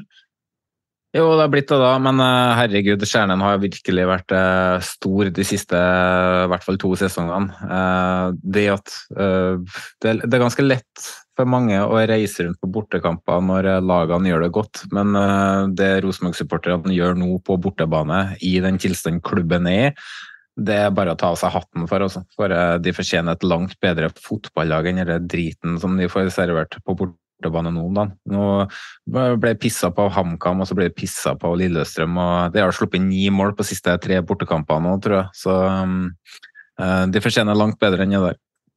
Og bare for å skyte inn det, Jeg satt og snakka med noen Rosenborg-supportere etter kampen på Lerkendal sist helg. Eh, Og de sier det at, eh, og det her er- tror jeg er litt lærdom for egentlig hele Supporter-Norge, at deres fokus nå er å bygge kultur. Og fordi at de har mange nye som kommer til, selv om at de er i en kall det motgangsperiode. De vil bygge kulturen og sørge for at folk forstår hva det betyr å faktisk være supporter, og hva det betyr å stå på Øvre Øst. og den slags da. Så de har i hvert fall eh, valgt å sette et fornuftig fokus ut ifra hvor, hvor de ligger da. Du trenger ikke bare hylle Stjernen heller, vi må hylle Kanarifansen for det trøkket som hjemmesupporterne òg lager den kampen der, og hele ramma rundt. Det, det er norsk fotball på, på det beste. altså. Pernille, du sa jo det at Rosenborg er ditt hatlag eh, nummer én, og at Lillestrøm stort sett har vært nummer to, selv om Viking snek seg inn. Holder du med uavgjort, eller er det deilig å se Rosenborg få seg en ordentlig smekk? Det er alltid deilig å se Rosenborg tape, så heller det enn uavgjort, ja. Uh, eller, spørs hvor Lillestrøm ligger på tabellen, da. Men nei, altså, det er jo Det redda jo hele runden da, for meg, vet du. Jeg hadde Det gjorde sikkert det, vært kjempe... Ja, det gjorde det. Da, I en litt bedre søndag. Da ble det ikke noe, trengte ikke å spise ostepop. Det gikk fint. Uh, så nei, da jeg koser meg og syns det er artig at de liksom uh, bare snakker om supporterkultur og ikke om fotball, for de har ikke noe fotball å snakke om. Så det er deilig. Ja. Men, men, altså, jeg, ja. Nei, altså jeg syns det er altså, den stemninga som er på Lerkendal og ja, å, Jeg blir sånn litt kvalm av å si Lerkendal, men altså, de skal få ha det. Altså, det er god kok og bra TIFO. og har for så vidt skulle jeg si, Nei, vi skal ikke si at vi har noe å lære. det har vi ikke. Det er mange der som Nei, vi skal ikke ta lærdom av dem. Men eh, Dere kan, dere kan lære av jerv, så det er noe greit. Eh, nei, altså vi syns Tordekratt har kommet seg, altså. Fra de, de skal ha det.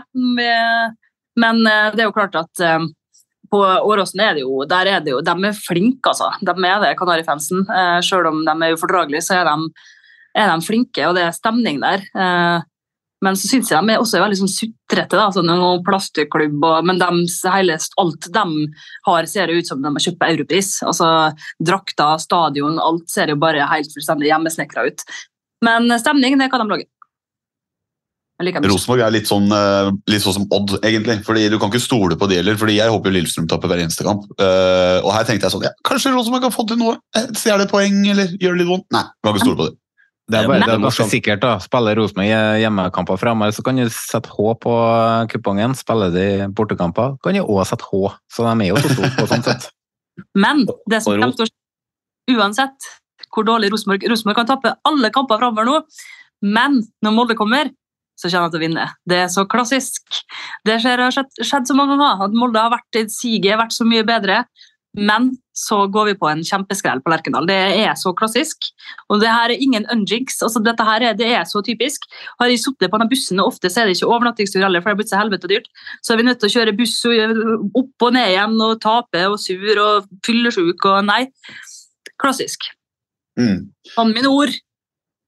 Jeg eh, tenker at du prøver deg på en jinx, men, eh, eller anti-jinx, eller hva det er for noe. Men det er vel ikke så veldig mye mer å si egentlig da, for Jonas ligger allerede i eh, fosterstilling.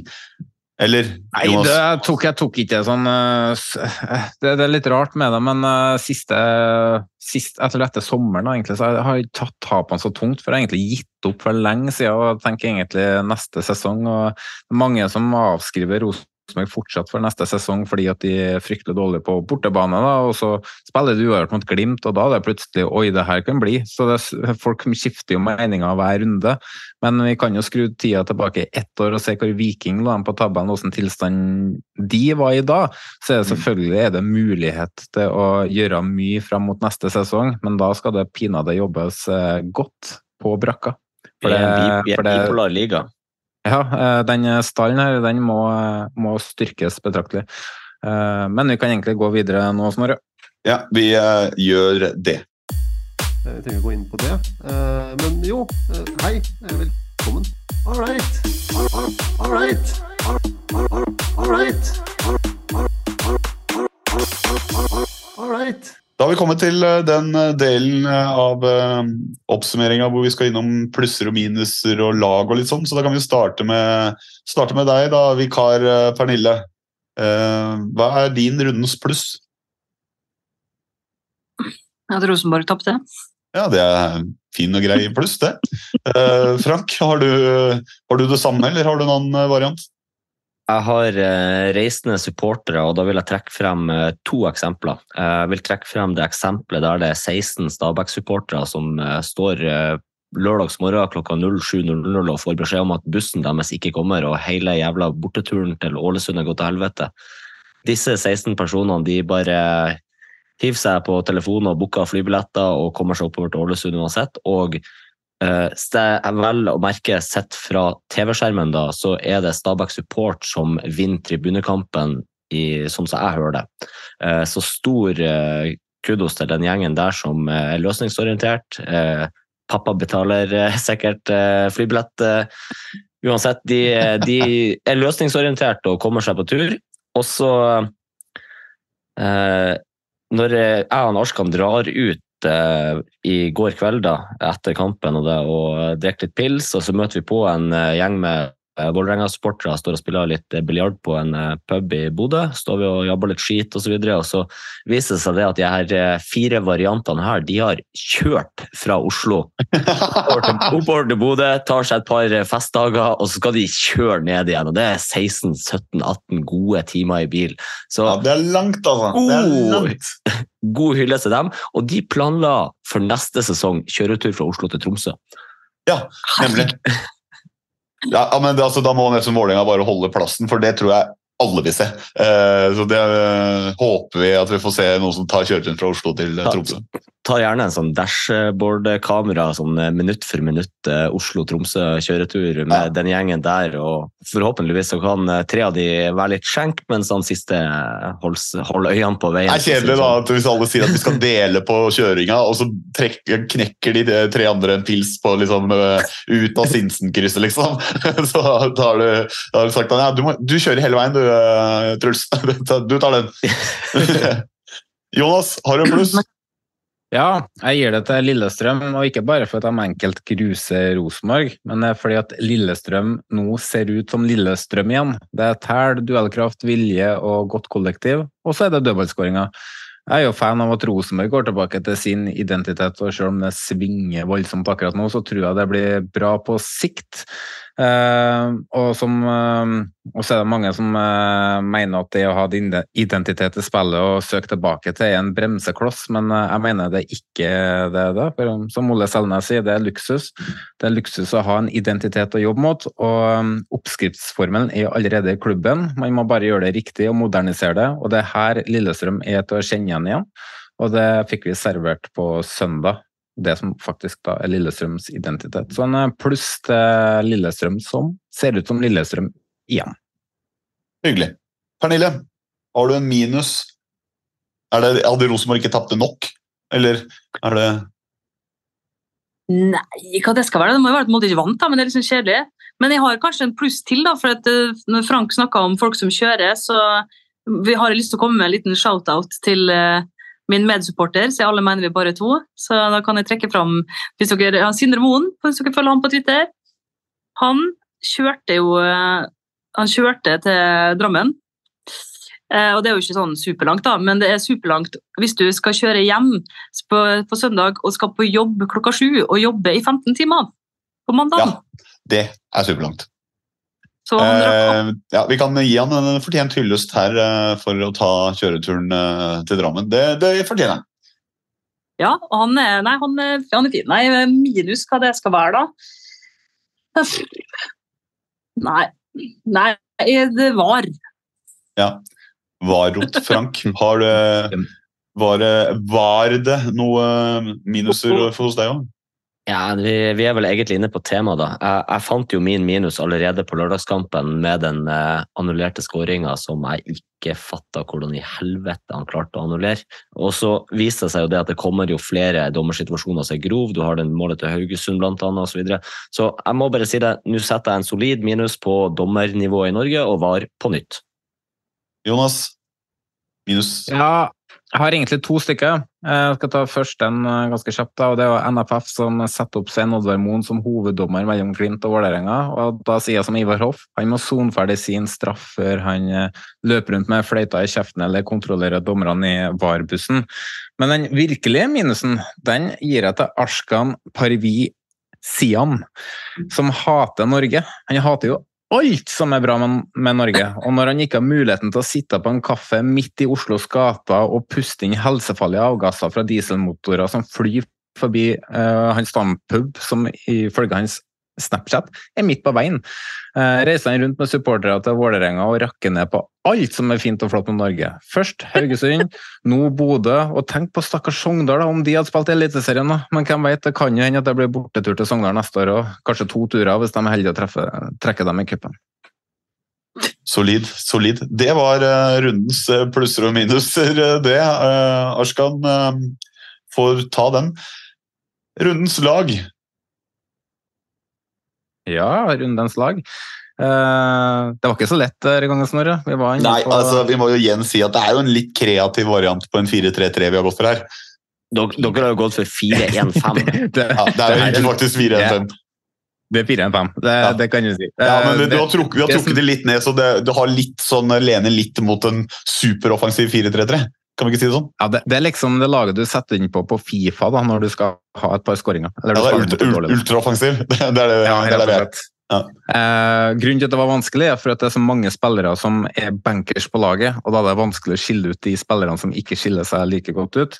Men vi har endt opp med Det var ikke så mange keepere som skilte seg ut i runden her, men vi endte opp med Petterson fra Stabæk. Og så har vi to stoppere i Garnås og Pallesen. Um, og så har vi på eh, venstreback Tønnesen for Lillestrøm, som var meget god. Og så har vi selvfølgelig Espen Ruud på høyre. Vi har én sentral midtbanespiller, og han er ikke akkurat en ballvinner, men det er Albert Grønbæk. Eh, På venstre ving så har vi selvfølgelig Pelle, og på høyre ving så har vi Tripic. På topp så har vi Thomas Lenn Olsen, Bård Finne og Salvesen. Eh, På benken så har vi Dyngeland fra Brann, og så har vi Oppsal fra Kamma, Bertelsen fra Haugesund, Torp for eh, Sarpsborg, eh, Hoff for Lillestrøm, Nyentø eller Daddy's Boy fra Sandefjord og Melkersen for Godset. Så har vi da gitt én stjerne til Salvesen, to stjerner til Tønnesen og tre stjerner til Pellegrin. Ja, det var eh, laget, det. Så får vi jo se da om vi får tyd. Det håper jeg nesten vi får, for vi kan ikke spille 4-1-5 uten å slippe, å slippe unna med det. det men, nei, men ikke, vi, altså vi kan, men vi kan ikke slippe ja, kan, unna med det. vi, kan gjøre hva vi vil, vi. Ja, det kan vi, men jeg håper ikke vi slipper unna med det. Jeg håper noen uh, har noen innvendinger på spesielt formasjon. Men det er jo et testament. på, det er bare, bare å skrive. Men det er jo testament da, til at uh, de som virkelig uh, herja denne runden, var offensive spillere i forskjellige lag, og noen ganger så blir det en variant eller to på formasjonssida for å for rett og slett gi de som fortjener det, den heder og ære som de faktisk fortjener. Det var eh, dagens eh, runde, det. eh, og eller dagens rundeoppsummering. Vi i panelet legger selvfølgelig merke til at med en gang Rosenborg taper 3-0, så er det selvfølgelig tre spillere fra det motstanderlaget inn på rundens lag og mer til. Sånn må det være, Jonas. Men da gjenstår det egentlig bare å takke deg, Pernille, for at du vikarierte for Arskan. Håper du kan gjøre det til en fast 100 %-stilling Vi, fremover. vi, vi, må, vi må ta et par lyttespørsmål til Snorre. Veldig kjapt. Eh, Vi har fått inn eh, to spørsmål eh, fra Emil Almås her. Vi har fått inn flere, men tida begynner å gå fra, så vi tar bare to kjappe spørsmål her nå. Er det sant at ingen danser tettere enn ei Sulli Lulli Frenataus? Frenataus? Ja, det vet jeg egentlig ikke noe om, siden jeg er fra Molde og ikke fra Fræna, eller Hustadvika, som det nå heter. Men faktisk nå sitter jeg på et møterom på jobb som heter Fræna, så ja, det er sikkert sant. Det er sikkert Og så og så har han et spørsmål til. Hva tenker du om eh, SAS avvikling på Åre? Det er fullstendig krise for byen, for næringslivet, for idrettslagene, for alt. Håper de snur. Men en stor glede for resten av Norge, Pernille! Nei, Uh... Ja, kose, det var faen meg noen som kosa seg med det òg. Ja, det er jo det. For, altså, vi, er, vi er jo ikke en frisk nasjon. Vi er jo ikke det. På Åre, på flyplassen her, så har de faktisk grillpølser. De er ikke kokt, de er grilla. Og til sist så har vi et spørsmål fra Sondre Feildal. Adolf Hitler eller Josef Fritzel? Steike for noen spørsmål. Det tror jeg. Nei, nei, nei, altså jeg hører jo dette aliaset her. Sondre Feildal. Det er så dumt. Det er så dumt. Kan vi gå til at vi takker Pernille for at hun eh, var med? Og, Ja, ja. og, og Ah, det, er så, det er så dumt. Altså, det var en bra episode fram til nå. Så bare, jeg ser karrieren min med grus. Sjefen på kontoret. Åh, ja, ja. Nei, men Det var hyggelig å ha deg med, Pernille. Det var det.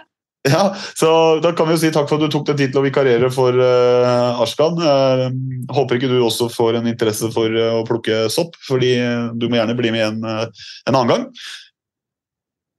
Nei, Jeg bryr meg ikke om å plukke opp. Nei, det er bra. Frank uh... Har, har, no, har nok sopp fra før av. Altså. Ja, nei, ja, kan vi bare? Takk, for, takk for i dag. Uh, Jan Erik Balto som bidrar med alt det grafiske. Han har uh, nærmest eh, blitt en fast del av poden. Vi kan ikke understreke nok hvor viktig han er for oss. Jesper Horten Kjærnes og Vestfold Lydstudio som alltid med musikken vi bruker.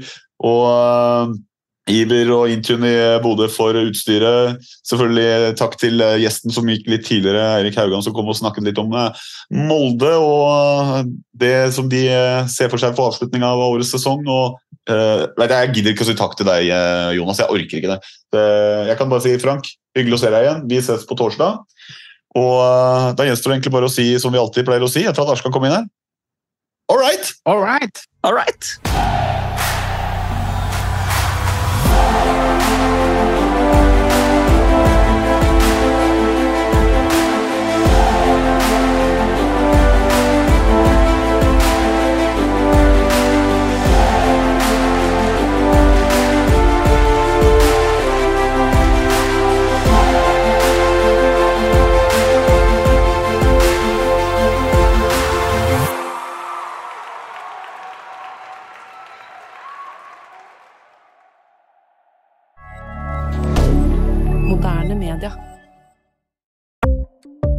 Ukens annonsør er HelloFresh. HelloFresh er verdens ledende matkasseleverandør og kan være redningen i en travel hverdag. Mange av oss har nok vandret i butikken både sultne og uten en plan for middagen, som ender med at vi går for de samme kjedelige rettene gang på gang. Middag burde være dagens høydepunkt. Som Hello kan du nå velge mellom 25 ulike retter hver eneste uke, eller få Hello til å sette sammen menyen for deg. Dette gir deg muligheten til å prøve nye og spennende retter alene eller sammen med familien. Du velger antall porsjoner og får alt levert på døren på et tidspunkt som passer for deg. Oppskriftene er enkle, og maten er lett å lage både for store og for små. Ved å få alt levert hjem får du også mer tid til å dele matgleden med familie og venner. Kanskje det frister med asiatiske tacos eller greskinspirert kylling? Da kan jeg anbefale deg om å gå inn på hellofresh.no. Her kan du bruke koden FOTBALL og få opptil 1779 kroner i rabatt på de første fem matkastene hvis du ikke har prøvd Hello Fresh tidligere. Du kan også bruke rabatten hvis du har vært kunde og stoppet abonnementet ditt for tolv måneder siden eller lengre. Gå inn på hellofresh.no og bruk koden FOTBALL. Ukens annonsør er Folio, en smartere banktjeneste for deg som har en egen bedrift eller ønsker å starte for deg selv. Folio er en superenkel nettbank for bedrifter. Som kunde i Folio får du en bedriftskonto med et bedriftskort og app. I denne appen er det smarte løsninger som forenkler regnskapet ditt, uansett om du har en liten bedrift eller et enkeltpersonsforetak. Folio er både intuitivt og brukervennlig, og er laget med et enkelt språk. I tillegg tilbyr de forutsigbare priser og ingen skjulte gebyrer. Skulle du likevel trenge det, så kan du snakke med deres raske og hyggelige kundeservice, og der får du prate med en faktisk person og ikke en chatbot. Folio er med andre ord både enklere og koseligere enn banken. Over 10 000 bedrifter har allerede valgt Folio som sin banktjeneste, så besøk folio.no og se hvordan Folio kan forenkle din hverdag også. Har du et enkeltpersonforetak eller en liten bedrift? Da er du sikkert lei av å høre meg snakke om hvor enkelt det er med kvitteringer og bilag i fiken, så vi gir oss her, vi. Fordi vi liker enkelt. Fiken superenkelt regnskap.